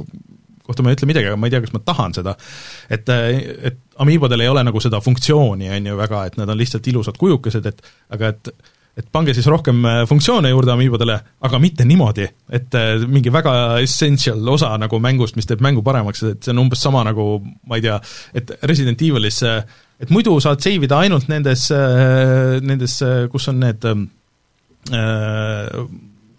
trükimasinad, aga aga välja arvatud, kui sul on see Amiibo, siis sa võid igal pool save ida, et siis saad checkpoint'i teha ükstaspuha kuhu, et mulle tundub, et see on umbes sama level ühesõnaga nõme. aga ma tahtsin rääkida teisest asjast ka, et eh, mis on nõme, eh, et eh, GTA viis tuleb siis üheteistkümnendal novembril PlayStation viiele ja uutele Xboxidele. aga see ei olnud tegelikult see nõme osa, vaid ma ei tea, mis te arvate sellest, sest tegelikult see varem oli ka see jutt, et GTA Online on tasuta alguses ainult PlayStation viie omanikele. aga kui sa nüüd tahad seda Xbox'i peal mängida, siis esimese kolme kuu jooksul tuleb maksta selle eest täishinda ja järgneva pärast, kolme kuu pärast, ehk siis äh, kaks tuhat kakskümmend kaks veebruaris saad, saavad ka siis Xbox'i omanikud seda tasuta mängida. et oota, mis, mis, mis tähendab, et maksavad täishinda no,? võib-olla keegi ei peaks üldse, aga. mis, mis tähendab, et maksavad täishinda? Täishinda GTA Online'i eest, kuna Mi... GTA Online tuleb nagu selline eraldi versioon, stand-alone on see GTA Online. aga kui sa ostad selle karbi versiooni sellest uuest äh, GTA viiest, kas sa siis saad selle online'i kaasa? mina saan aru, mina, mina saan aru sellest niimoodi, et äh, PlayStationi kasutajatele, PlayStation viie omanikele on see GTA Online tasuta alla tõmmatav aga Xboxi omanikud äh, peavad siis kas mängima vana versiooni või siis ostma selle uue plaadiversiooni, aga äh, mingi aja pärast tuleb see äh, tasuta nendele poodi, sest et näiteks okay. Red, Red Dead Online võib-olla lihtsalt keegi ei pea, võib-olla lihtsalt keegi ei peaks.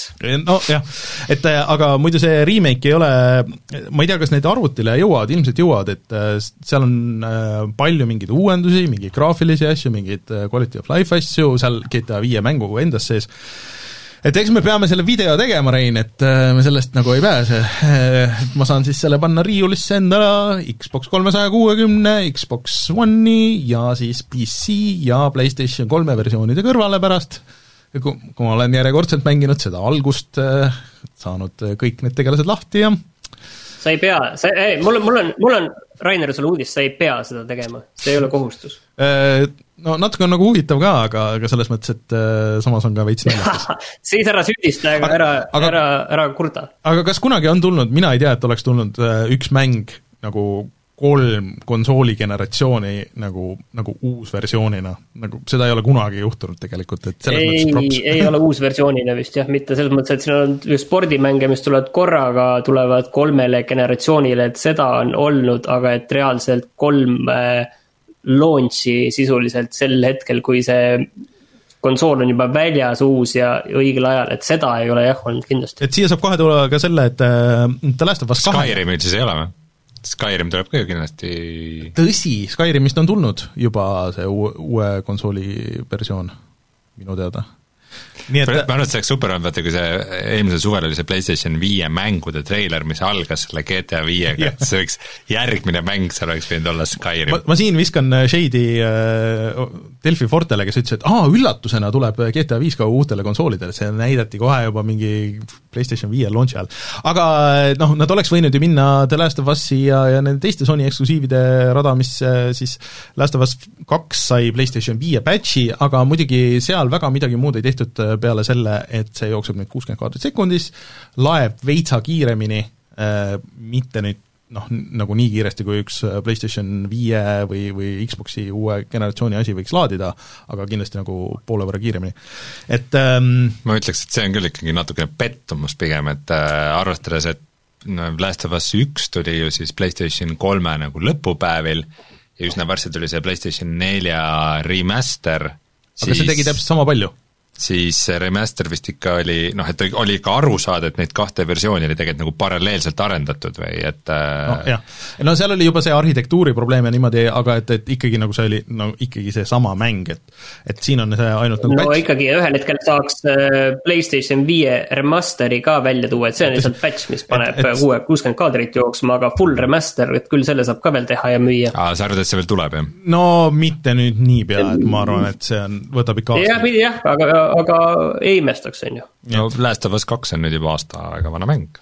No jaa, aga ma ei, ma ei, nad ei oleks seda patch'i praegu nagu lasknud välja, kui neil oleks mingi lähiajal plaanis teha remaster sellest, et äh, äh, ma saan aru, et see PlayStation viie üldiselt need äh, patch'id, mis tehakse, et nende tegemine vist ei olevat väga lihtne, et näiteks Ratchet ja Clankil tuli, et äh, üks nendest arendajatest oli kuskil podcast'is ja ütles, et äh, noh, et te arvate küll, et see võtab vähe tööd, aga see võtab ikka oluliselt rohkem tööd, kui te, kui te ette näete, et, et see ei ole niisama aga äh, mõnes mõttes ma oleks eelistanud GTA-le ka, et andke see patch välja, ärge, ei ole vaja seda karbi versiooni, aga samas see on lihtsalt tasuta raha Rockstarile. tehke hoopis uus San, San Andrease versioon, me oleme sellest äh, meie Discordis rääkinud päris palju viimased päevad. no kes siis GTA kuute teeb? keegi teeb ilmselt mm aga millisest uudisest me, millisest uudisest me siin nüüd äh, veel räägime, et uh, uus Timesplitters tuleb, et see on nüüd selge, mina ei ole kunagi aru saanud tegelikult, miks see on nii oluline, et see tundub olema täpselt selline mäng, mis oli väga oluline omas va, ajas. see ongi, et äh, ma, ma ei ole ka mänginud samas. Äh, see Timesplitters oli äh, äh, enne Halo tulekut nagu see põhikonsooli shooter, mida kõik kiitsid, et see on nagu see, mis on võrdväärne nende PC versioonidega ja niimoodi. mina ka ei ole seda nagu tervet seeriat mänginud äh,, aga kõik, kes olid sellel ajal äh, PlayStation kahe või, või noh, see tuli kõikidel konsoolidel, eh, kõik väga kiitsid, seal oli oma mingi huumor ja need relvad olid väga sürrid, ma tean, et eh, kõige kuulsam sealt vist on see haipüss, mis tulistab välja hai, mis tuleb kuskilt kõrbest ja nii edasi. et ehm, ja seda on aastaid räägitud, et, et noh, et küll arendatakse uus versiooni, küll arendatakse uut äh, lisaosa, mis oleks siis neljas vist, ja siis need on alati ära kadunud, et loodetavasti nüüd nad jõuavad selle lõpuni ja siis me näeme, et kas see on väärt niisugusel seerial tänapäeval no, või, või mitte. aga tuli vahepeal ka treiler, mis selles mõttes oli nagu üllatus või nagu naljaka on näha, et et Amazon ikkagi mingit mängu teeb, et hmm. kui räägitakse Amazonist ja mängudest, tavaliselt ikka selles võtmes, et midagi cancel dati. aga, aga tuli treiler nende massirollikale nimega New World ja kohe tuli ka jama, äh, sest et üsna varsti lekkis see, et alfa versioonis saab äh, osta siis niisuguseid elukvaliteedi boostereid, umbes nagu see Nintendo Amiibot siis mm, -hmm. et mis kiirendavad eh, seda, et kas, kui kiiresti sa, su tegelane saab uusi leveleid, mis on noh, rollimängudes tavaliselt see kõige olulisem aspekt mm -hmm. üldse, ja ka näiteks seda, et kas sa saad eh, siis kiirreisida erinevate punktide vahel või mitte, mis, mis ei meeldinud inimestele. no see tundus mulle täpselt see paralleel selle Nintendo selle Amiibo asjaga, et see, on ikka väga nõme, et kui sa kiirreisimise, mis niisugustes suurtes mängudes, mida sa mängid kümnete või sadade tundide kaupa, noh, sa lõpuks oled selle maailma nagu ära näinud, sa tahad jõuda sinna ühest kohast teise, sa ei pea seda käsitsi nagu käima kogu aeg või noh, jala käima seda, ja kui sa selle paned kuidagi raha taha, siis see on ikka maks nõme mm. -hmm. aga noh, selle peale muidugi see tiim vastas, et, et tegelikult mingit niisugust asja ei ole üldse veel kindlad, et pigem nagu alfa versioonis seal katsetavad asju, äh, et nad on varem välja lubanud, et kõik äh, asjad, mis raha eest äh, osta saad mängus sees, on ainult kosmeetilised, et et noh, pigem tundub, et seda ei saa, aga kindlasti see jättis paljudele halva maitse suhu või ütleme, kui Amazon teeb MMO-d, vahet pole, kui hästi või halvasti nad selle teevad, siis siis nagu inimesed ainult otsivad asju, millest kinni haarata, et ja noh, samas muidugi vot sihukeste mängudega on see, et kui Amazon tahab tulla mängumaailma, siis neil alguses on nagu mega palju raha ja mm -hmm. nagu mhm. nad lükkavad kõik selle sisse, aga mingi hetk keegi otsustab, et oodake peame selle raha ju tagasi ka teenima. Ja, ja, ja miks meil siia nii palju raha läheb, ikka veel ei ole nagu toodet ei ole väljas, et me ja, ei näe karpi see ei kuskil. ole ju üldse kasumlik see ei ole, miks me paneme sinna nii kaua raha, et aga ma, eh, muideks kõik need arendajad, kes vist sealt Stadiast ja Amazonist on ära läinud, et need on nüüd tegemas uusi stuudioid, et sealt võib tulla põnevaid asju. aga viie aasta pärast või midagi, aga muidu see New World äh, siis tuleb välja juba selle suve lõpus, ehk siis kolmekümne esimesel augustil. tähendab, paneme praegu paika, et sina hakkad mängima seda no mul mingi kerge niisugune akadeemiline huvi on äh, selle vastu, aga noh, MMO ei ole neid asju, mida nagu niisama natukene proovida, et see tahab ikkagi natukene, natukene süvenemist ja keskendumist. ja see, ja see treiler oli see, et ta ei näinud nagu otseselt halb välja, aga ta on selline ta on selline nagu, tal ei ole väga, väga niisugust selget stiili mm., et ta kuidagi on nagu hästi laiali, et nagu, et ühel hetkel ta on üht, ühtemoodi ja teisel hetkel teistmoodi. kas see oli see piraaditeemaline see või? kõikide muude asjade seas ka piraaditeemaline. ja kas see oli see, kus oli, pidi olema mingi, et aa, meil on kümme tuhat inimest ühes serveris ja kes kõik saavad äh, omavahel interakteeruda ja suhelda? vabalt võib-olla. ma arvan, et sa võid need, ma arvan, et sa võid need jutud ära unustada mm.. ei, see piraadi teema ei ole nii, nii läbi, pigem raiu puid ja tee, raiu maha terve mets ja saad omale starter-vibu. ja Rein, viimase uudisena sinule, kes sa mängid äh, Call of Duty't siis, et äh, nii, see, selle pealkirja eest sa hakkad kohe niisugust vastust andma, sa oled sellele uudisele pannud? et äh, minu pealkiri on, et ilmselt kõige kvaliteetsem Die Hardi mäng läbi aegade, aga ikka veider, ehk siis et me, me, kas on võimalik, et sa korraks unustasid ära seda kirjutada, see Die Hard Trilogy eksisteerib? Rein, kas sa oled seda mänginud viimase kümne aasta jooksul? loomulikult mitte, ma mängisin seda, ma mängisin seda aastal üheksakümmend neli, kui ma Tartu Anne mm. turult ostsin saja krooni eest äh, Piraat CD. Lion Trilogy on väga kõva mäng. Rein, mina olen seda viimase aasta jooksul isegi äh, mänginud ja, ja mul on isegi plaan, et kunagi paneme sind mängima seda ja, ja siis vaatame, mis sa, mis sa arvad sellest. kas sa väidad, et see ei ole hea mäng? noh, võib-olla kunagi oli, jah no. aga, aga ühesõnaga, ma olen ka PlayStation kahe mängu Die Hardi mänginud, aga aga siis äh, räägi, et mis, mis see sisu nagu sellel on kirjalt?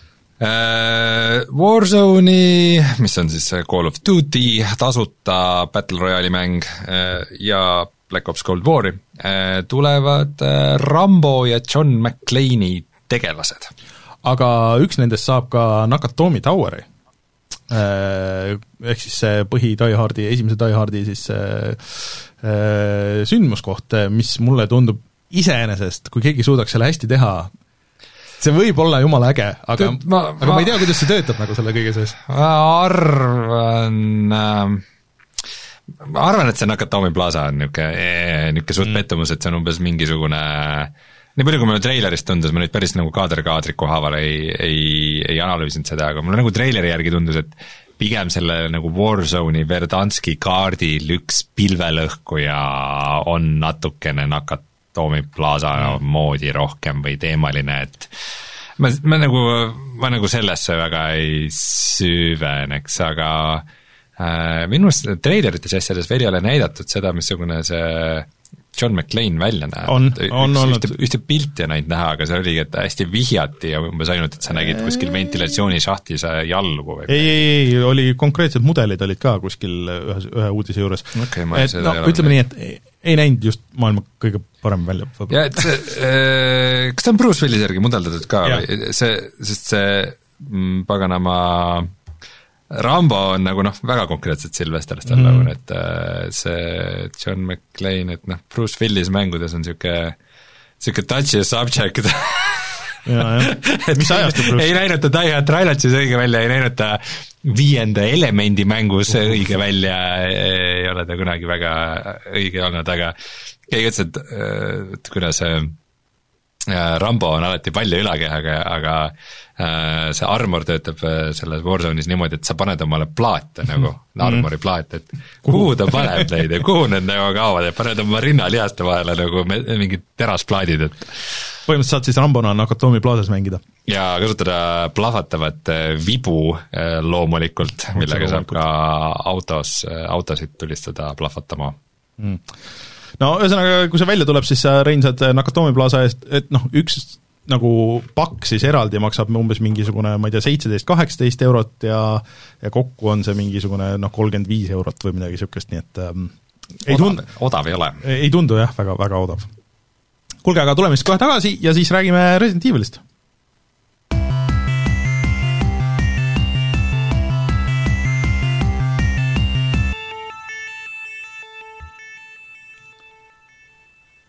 me oleme nüüd kõik seda mänginud erinevatel platvormidel, mina Xboxil, äh, Martin äh, siis äh, PlayStation viie peal ja Rein siis PC peal ja mängis Switchi peal.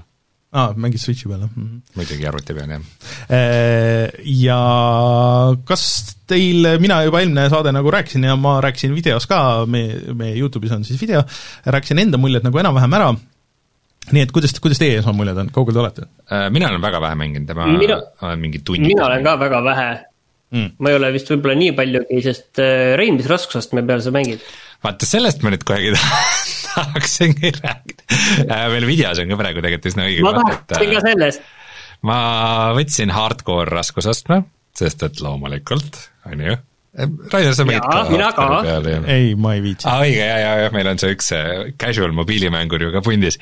Äh, ja äh, mul vaikselt tundub, et Martin äkki sa oled samas kohas kinni, kus mina kus te olete kinni siis? väiksed spoilerid ma hoiatan ette. võib-olla. et äh.... ei, tegelikult ei ole spoilereid midagi, aga ütleme, et need äh,, sul on äh, kuule vähe, need kuulid ei tee peaaegu mitte midagi ja siis äh, seal on need vastikud, äh, need äh, libahundid ja no ma teen uuesti ja uuesti ja, ja ma pean leidma kuskil, tead, mul tuleb meelde see, et kas see oli vist see Resident Evil kahe remake, kus oli üks vastik koht, mida ma samamoodi tegin. Mängu lõpus, tegin kuskil viisteist korda või kakskümmend korda Aa, oli vist jah? Siis seal kohe alguses on sellised kohad, kus ma selle hardcore'iga ei saa hakkama see mm, kui me räägime siis sellest esimesest kohast, kui sa neid libahunt zombisid põhimõtteliselt näed rohkem kui üks, on ju? sa elad selle see, toa jah, see koht on ja siis kohe tuleb pärast seda tuleb teine koht ka veel kohe peale. just, ja see on täpselt sama koht, mis me praegu siin videos, videos näeme. Äh, see on täiesti kohutav, mina ei ole seda ära teinud, ma äh, rääkisin ühe sõbraga, äh, kes on teinud mängu hardcore'iga läbi ütleb, et äh,, ütles mulle, et hardcore on super, kindlasti see raskusaste, millega ta soovitab mängida, aga see alguse koht on nagu täiesti katki, et see on nagu täiesti mental ja võimatu ja, ja rõve ja seda tuleb lihtsalt nii kaua teha, kuni sa ära teed, et pärast seda on nagu okei. Okay.. keegi meie Discordis vihjas midagi sarnast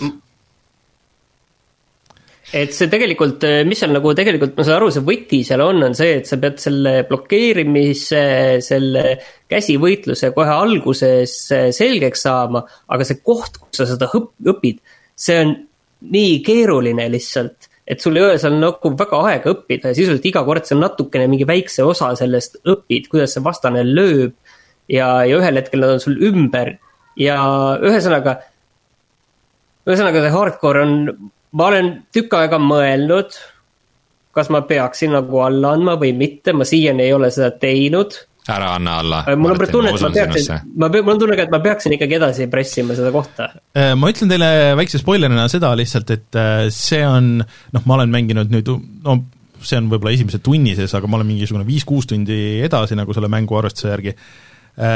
Ja see on ka selle aja peale ainuke koht, kus nii palju võitlust on mm.. et, et kui te sealt saate edasi ja siis tegelikult on nagu niimoodi, see ilmselt ei ole nagu väga spoiler, et see, mis me videos tegime, Martin, ma tegin selle osa nagu lõpuni ja niimoodi, ja noh, selle videokoha nagu algus äh, ja vahetult enne on see, kus see mäng nagu tegelikult päriselt pihta hakkab, ehk siis see, kus see alguses see loss, kuhu te nüüd olete teel seal, et, et see on alles nagu põhimõtteliselt niisugune sissejuhatus ja, ja see kõik, et et mäng läheb käima alles nagu pärast seda, siis te saate päriselt teada, mis, mis seal story's toimub, kuidas see mäng nagu, mis, milline see mängu luup on, kuidas need upgrade'id ja asjad töötavad, et äh, pidage see koht vastu mm -hmm. ja siis läheb kõik nagu palju paremaks, et mäng hakkab palju parem välja nägema, ta hakkab äh, äh, olema nagu palju nagu huvitavam ja kõik see ja kui relvi saab juba hakata upgrade ima, siis, siis need relvad lähevad ka nagu paremaks ja see tulistamine läheb nagu lõbusamaks, nii et äh, pidage vastu okei okay,, ma arvan, et see on jah, ma ei tea, internet tegid yeah. selle konkreetse koha, et, äh, et, et mingeid mänguprodutsendid ei, ei teagi, et niisugune koht seal mängus sees on äh, kohe alguses, seal aga, on päris kummaline. aga mina võin öelda, et ma tegin jah, selle, selle osa nagu lõpuni ja veits, veitsa veel edasi sealt äh, kus me videos olime ja mina ei ole meie, meie videot vaata vaadanud ja ei vaata ka, sest et üks kommentaar ütles, et see on spoiler. see oli väga äge koht, see oli äh, see oli päriselt creepy, mulle üldiselt ma, noh, ma ei ole väga palju nagu neid õudusmänge mänginud ka, aga see lihtsalt, see lõpuasi, kuidas see oli lahendatud, et ma mängisin klappidega, siis ma pidin korduvalt võtma klappe ära, et kas keegi on nagu, kas mul toas on see tuleb või see tuleb mul klappidest või nagu mis asja, ja seal ei olnudki võitlust, aga see oli see iga, kõikide nende muude asjadega tekitatud see õudne atmosfäär sinna, et mulle see väga meeldis ja ma, ma olen ikka nagu mulle väga meeldib see mäng oluliselt rohkem kui see esimene tund jah, et kui sa nende võitled nagu nendega ja siis need relvad nagu ei tee suurt midagi ja, ja see, minu meelest see, see külaala, ma ei tea, kuidas see PC peal välja näeb, et kuidas see jookseb sul üldse äh,? Okeilt, vot seda PC porti äh, Digital Foundry muidu on natukene sarjas mm, -hmm. äh, aga ma sain ka kohe aru, miks äh, lihtsalt nagu esimene, esimene nagu emotsioon on see, et sa paned mängu käima, ta on vale resoga, et ma mm. mängin tuhat nelisada nelikümmend B-s, aga mäng on seal keskel see tuhat kaheksakümmend B, on ju. ja siis üks niisugune asi, mida ma pole ikka mängudes vist ikka väga ammu näinud, kui sa valid resolutsiooni, iga kord, kui sa valid, siis mäng paneb selle resolutsiooni, küsib, kas sa tahad seda jätta? Oh..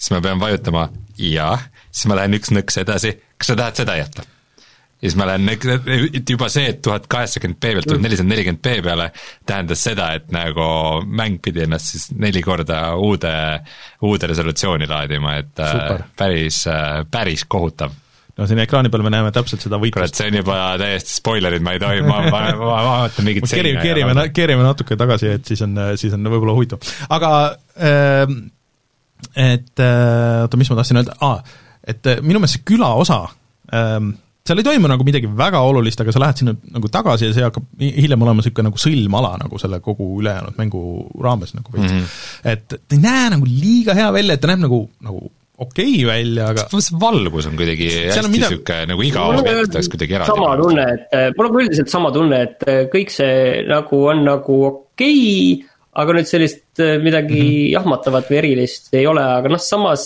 aga jah, siis, siis sa lähed sinna, aga siis sa lähed sinna lossi, mis näeb ikka nagu mega välja ja kõik nagu noh, hästi detailne ja sul on hästi palju nagu asju, noh, sa ei saa küll, mis natuke häirib, et sa ei saa nagu interakteeruda väga paljude asjadega, aga, aga see loss näeb nagu väga, väga stiilne välja ja siis kõik need kus sa lähed seal maal ja igal pool ja kõik need, mis, mis, mis seal toimub ja helidisain on nagu väga hea ja kõik noh, et see kõik läheb nii palju paremaks mm., ma ei, ma ei ma nagu, nagu väga hästi ei saa aru, miks nad seda nagu niimoodi tegid ja miks nad need asjad sinna ette panid, sellesama võitluse, kus te olete kinni ja kõik nagu see, et kõik ootavad seda Lady Dimitreskut, mis tuleb suhteliselt kiirelt, kui te, kui te saate sealt kohalt edasi ja aga, aga kõik, aga et et ähm, et ta on nagu suht jah, selle mängu, mängu alguses, nii et äh, pidage vastu, läheb paremaks peame, ei ma pean, ma pean ma ja hardcore'iga.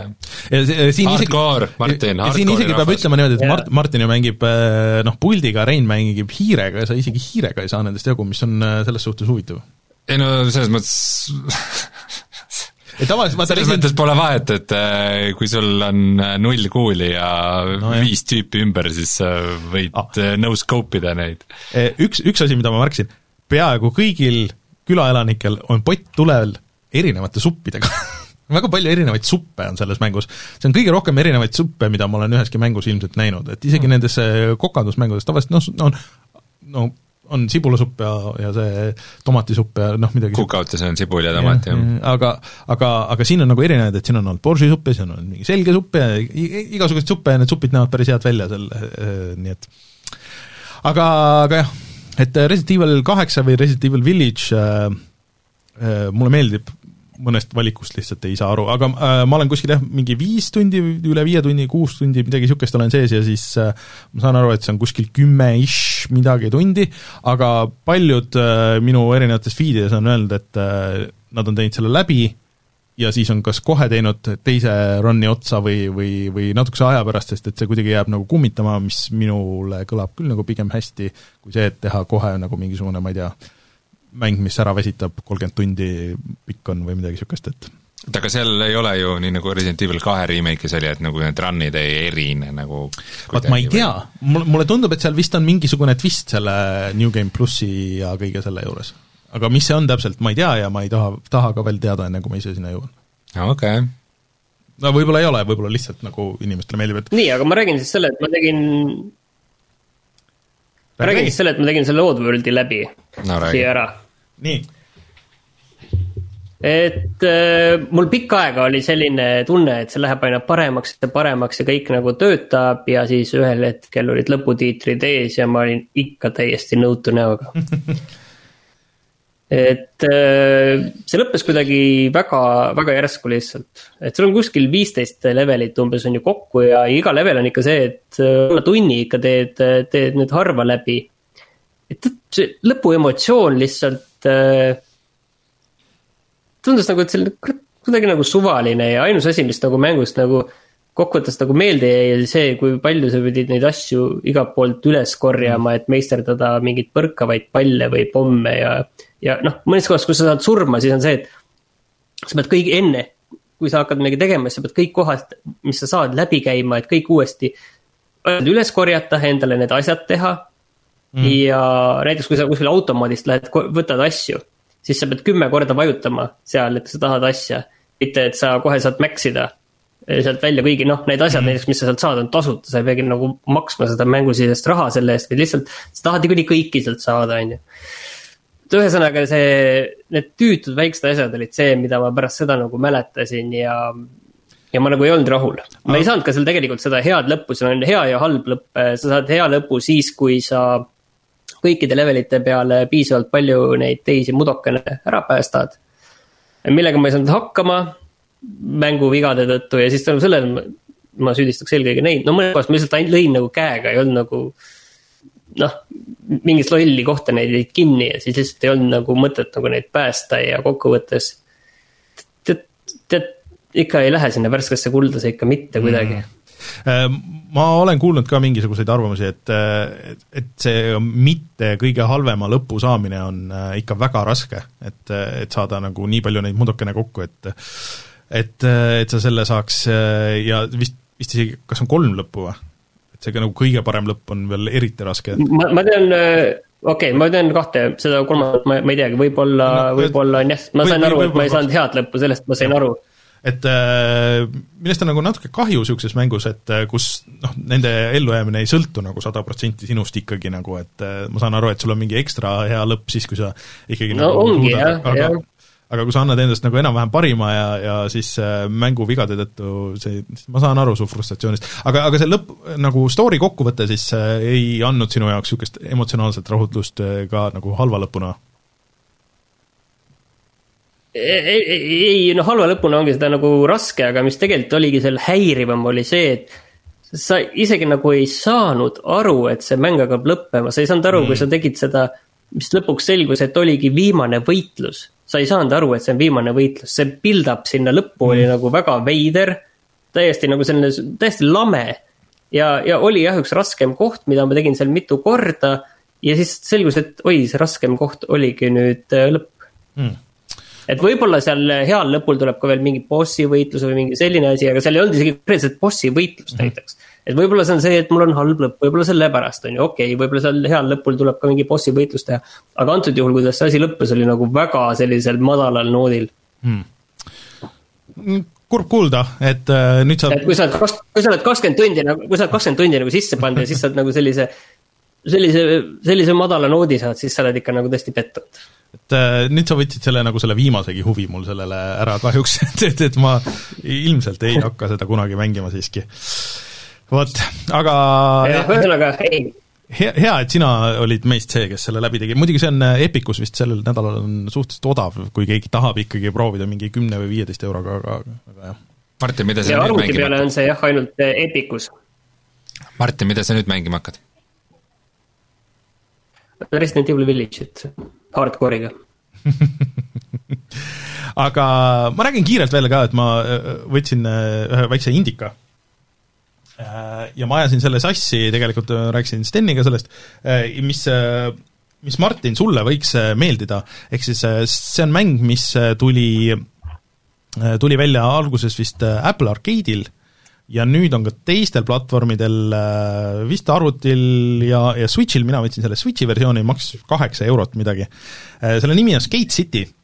Äh, ja see ongi niisugune põhimõtteliselt mega chill versioon Olli Ollist. ehk siis niisugune külje pealt vaates 3D, käib chill hip-hop beats for studying, vihma sajab vaikselt, Äh, alguses alustad äh, Los Angeleses, äh, siis avad leveleid seal või see oli vist Oslo ja ma ei mäleta, mis veel, ja võid täiesti nagu free skate ida, sul on niisugune list igasuguseid trikkiasju seal ees, mida sa võid teha nii kaua, kuni noh, viitsid, kui sa seda ei taha teha, siis on nagu niisugune challenge mode ka, mis on nagu niisugune konkreetsem story, need punktid, mis sa sealt saad, et siis nendega sa saad osta noh, natuke mingeid kosmeetilisi asju, aga, aga saad osta uusi leveleid lahti ja niimoodi ja läheb ikka nagu äh, noh, esimene maailm oli suhteliselt lihtne, aga, aga siis ta ikka teises maailmas läks suhteliselt kiireks, et tal on see skeidi kontroll, ehk siis et et sa teed trikke ühe või noh, nagu mõlema kangiga ja siis vajutad umbes triggereid, et, et noh, et slaidida ja niimoodi, mis nagu natuke on veits halb kontrollisüsteem Switchi puhul, sest et Switchile need kangid on nagu Pro controller'il eriti on nagu natuke niisugused sa ei tea võib-olla nagu nii täpselt, et kas sa neid, kuna palju on vaja diagonaale, et, et, et et kas sa oled nagu täpselt seal diagonaalis või mitte ja sa võid sellest fail ida. aga samas mäng, ta load ib nagu nii kiiresti, ta on nagu nii väike, et, et see ei ole nagu väga suur probleem, et sa alustad seda run'i kohe uuesti ja see run võtab võib-olla, ma ei tea, mingisugune kolmkümmend sekki või kaks minutit äärmisel juhul, et sa pead näiteks tegema mingid noh, need challenge'id on erinevad, ühed on näiteks, et sa pead mingi konkreetse väikse ala sees tegema mingit teatud trikki, on ju, ja kui sul ei tule välja, siis sa teed uue run'i, teed kohe uuesti, muusika vait ei jää, midagi load ima ei pea, vajutad kaks korda nuppu ja sa oled uuesti seal sees, et see on nagu et niisugune äh, väga hea chill, et eile, kui ma mängisin, siis vihma sadas õues, oli niisugune hämar ja siis äh, see ja siis sobis nagu väga hästi, nii et et äh, ma veel ei julge nagu rahva või sellesse värskesse kulda nagu soovitada, ma natuke mängin veel, aga, aga esmamulje igatahes oli nagu päris hea. ma muidugi ei kujuta ette, kuidas seda iPhone'i peal mängitakse, et see tundub nagu liiga täpne mm. nagu kõik need, aga, aga, aga selles mõttes no ma panen selle endale kõrva taha. et mulle tundub, et sulle võiks see, võiks see meeldida ka, et vähemalt vähemalt proovida. nüüd ju rääkides asjadest, mis sa küsisid, kuidas iPhone'i peal mängitakse, siis see, see Grindstone mm. tuli nüüd Epiku poodi. mida sa vist ka mängisid ja mulle väga meeldis see tegelikult. ja ma mängisin seda ka telefoni peal, vahepeal vist isegi natuke liiga palju ma ei kujuta ette, kuidas see arvuti kuidas see arvuti, et see on tõesti, et seal sa pead nagu hiirega või noh, nagu näpuga slaidima mingisuguseid asju, et aga Grindstone oli väga, mulle väga tegelikult meeldis see, aga ma lihtsalt ei suuda nagu telefoni peal mängida neid äh, asju nii palju ja sa täiesti keeldusid seda mängimast, äh, kui ma soovitasin sulle seda, eks ole? ei, ma mängisin seda ju. ei no alguses küll mitte, kui see tuli. mitte kunagi. sest meil ei olnud iPhone'i, jah. Aga tuleme siis kohe tagasi ja vaatame, mis on internetis odav, mida on üllatavalt palju see nädal.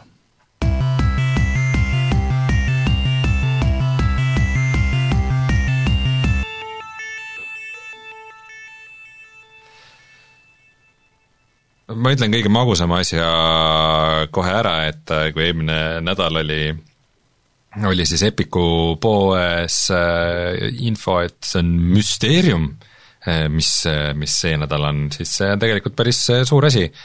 nimelt Epicus algas suur sale ja selle sellele tähelepanu tõmbamiseks kõik, kes logivad sisse sinna Epiku poodi, saavad omale tasuta NBA kaks K kakskümmend ühe mm..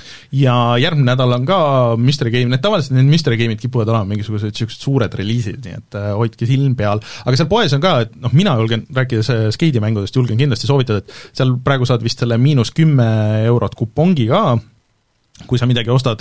Ja kui sa selle kasutad ära, siis sa saad viieteist euroga Tony Hawk's äh, Pro Skater üks pluss kahe, mis on kindlasti viiteist eurot väärt, et et kellelgi vähegi on huvi, siis võtke ära mm -hmm..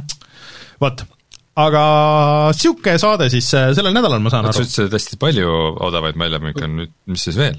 Uh, PlayStationis on ka mingi müük ja igal pool on tegelikult igal, igal pool on, hakkas, hakkas see mingi suveasi ja tegelikult Hum-, Humble'is on äh, väga äge see äh, Namco, oli vist Namco, bundle, kus oli äh, Katamari ja Tekken seitse oli, ma ei tea, mingi viieka eest või midagi niisugust ja siis sealt tuli veel umbes, et Project Cars kolm oli viisteist noh, nagu selle bundle'i sees. ühesõnaga, asju on, äh, käige vaadake need põhiasjad üle. Outriders on igal pool juba natuke alla hinnatud, kas see on halb märk või? kuidagi vaikseks on jäänud Outridersi teemal küll, aga Square ütles, et neil läks vist üle ootuste hästi sellega, et ähm, good for them, ma ei tea, see on asi, mil me võiks, peaks tegema nagu video sellest, aga mm, siis ma peaks rohkem seda mängima, mind nagu kuidagi ei tõmba see, et see ei olnud, see oli üllatavalt hea kogemus, aga, aga nagu mitte nii, et, et sinna tagasi minna. kuulge, aga kutsume saate saateks äh,, aitäh Kasparile ja äh, ja kogu Saumile. ja Saumile, unustasime muidugi Kaspari käest küsida, et äh, kus ta ise tahab, äh, oleks võinud linke jagada ju ja aga aga äkki on et kust Disco Elysiumit saab või? no Disco Elysiumit või Kaspari enda tegemisi näeb, eks ole, kas see on ma vist ei ole rääkinud selles mõttes, et Disco Elysiumil ju mingi hetk tuli ka pood. jaa, neil on merch'i.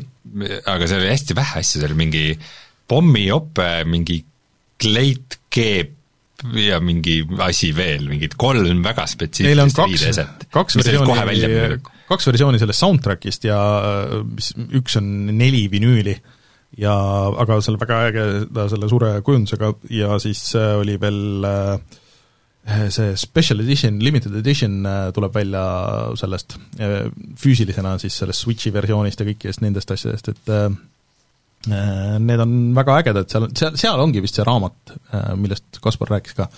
et aga need olid päris kallid, need olid, see pakk oli kas ma ei tea, sada viiskümmend euri või midagi niisugust ja need on vist otsas ka igalt poolt, nii et, et ma ei tea, kas neid enam saab aga vaadake, võib-olla saab mm. -hmm. vot, äh, ja meid siis saab toetada Patreonis, mänguvideo tuleb järgmisel teisipäeval loodetavasti äh, ja mind järgmine nädal ei ole, nii et kui on mingid tehnilised probleemid, siis süüdistage Reinu. siis jääb saade ära. Sii- ja loodetavasti kõik ikkagi sujub ja meil on äh, veel üks, üks saade on jäänud siis Eesti mängude kuud, kas sa saad välja öelda, kes meil tuleb külla?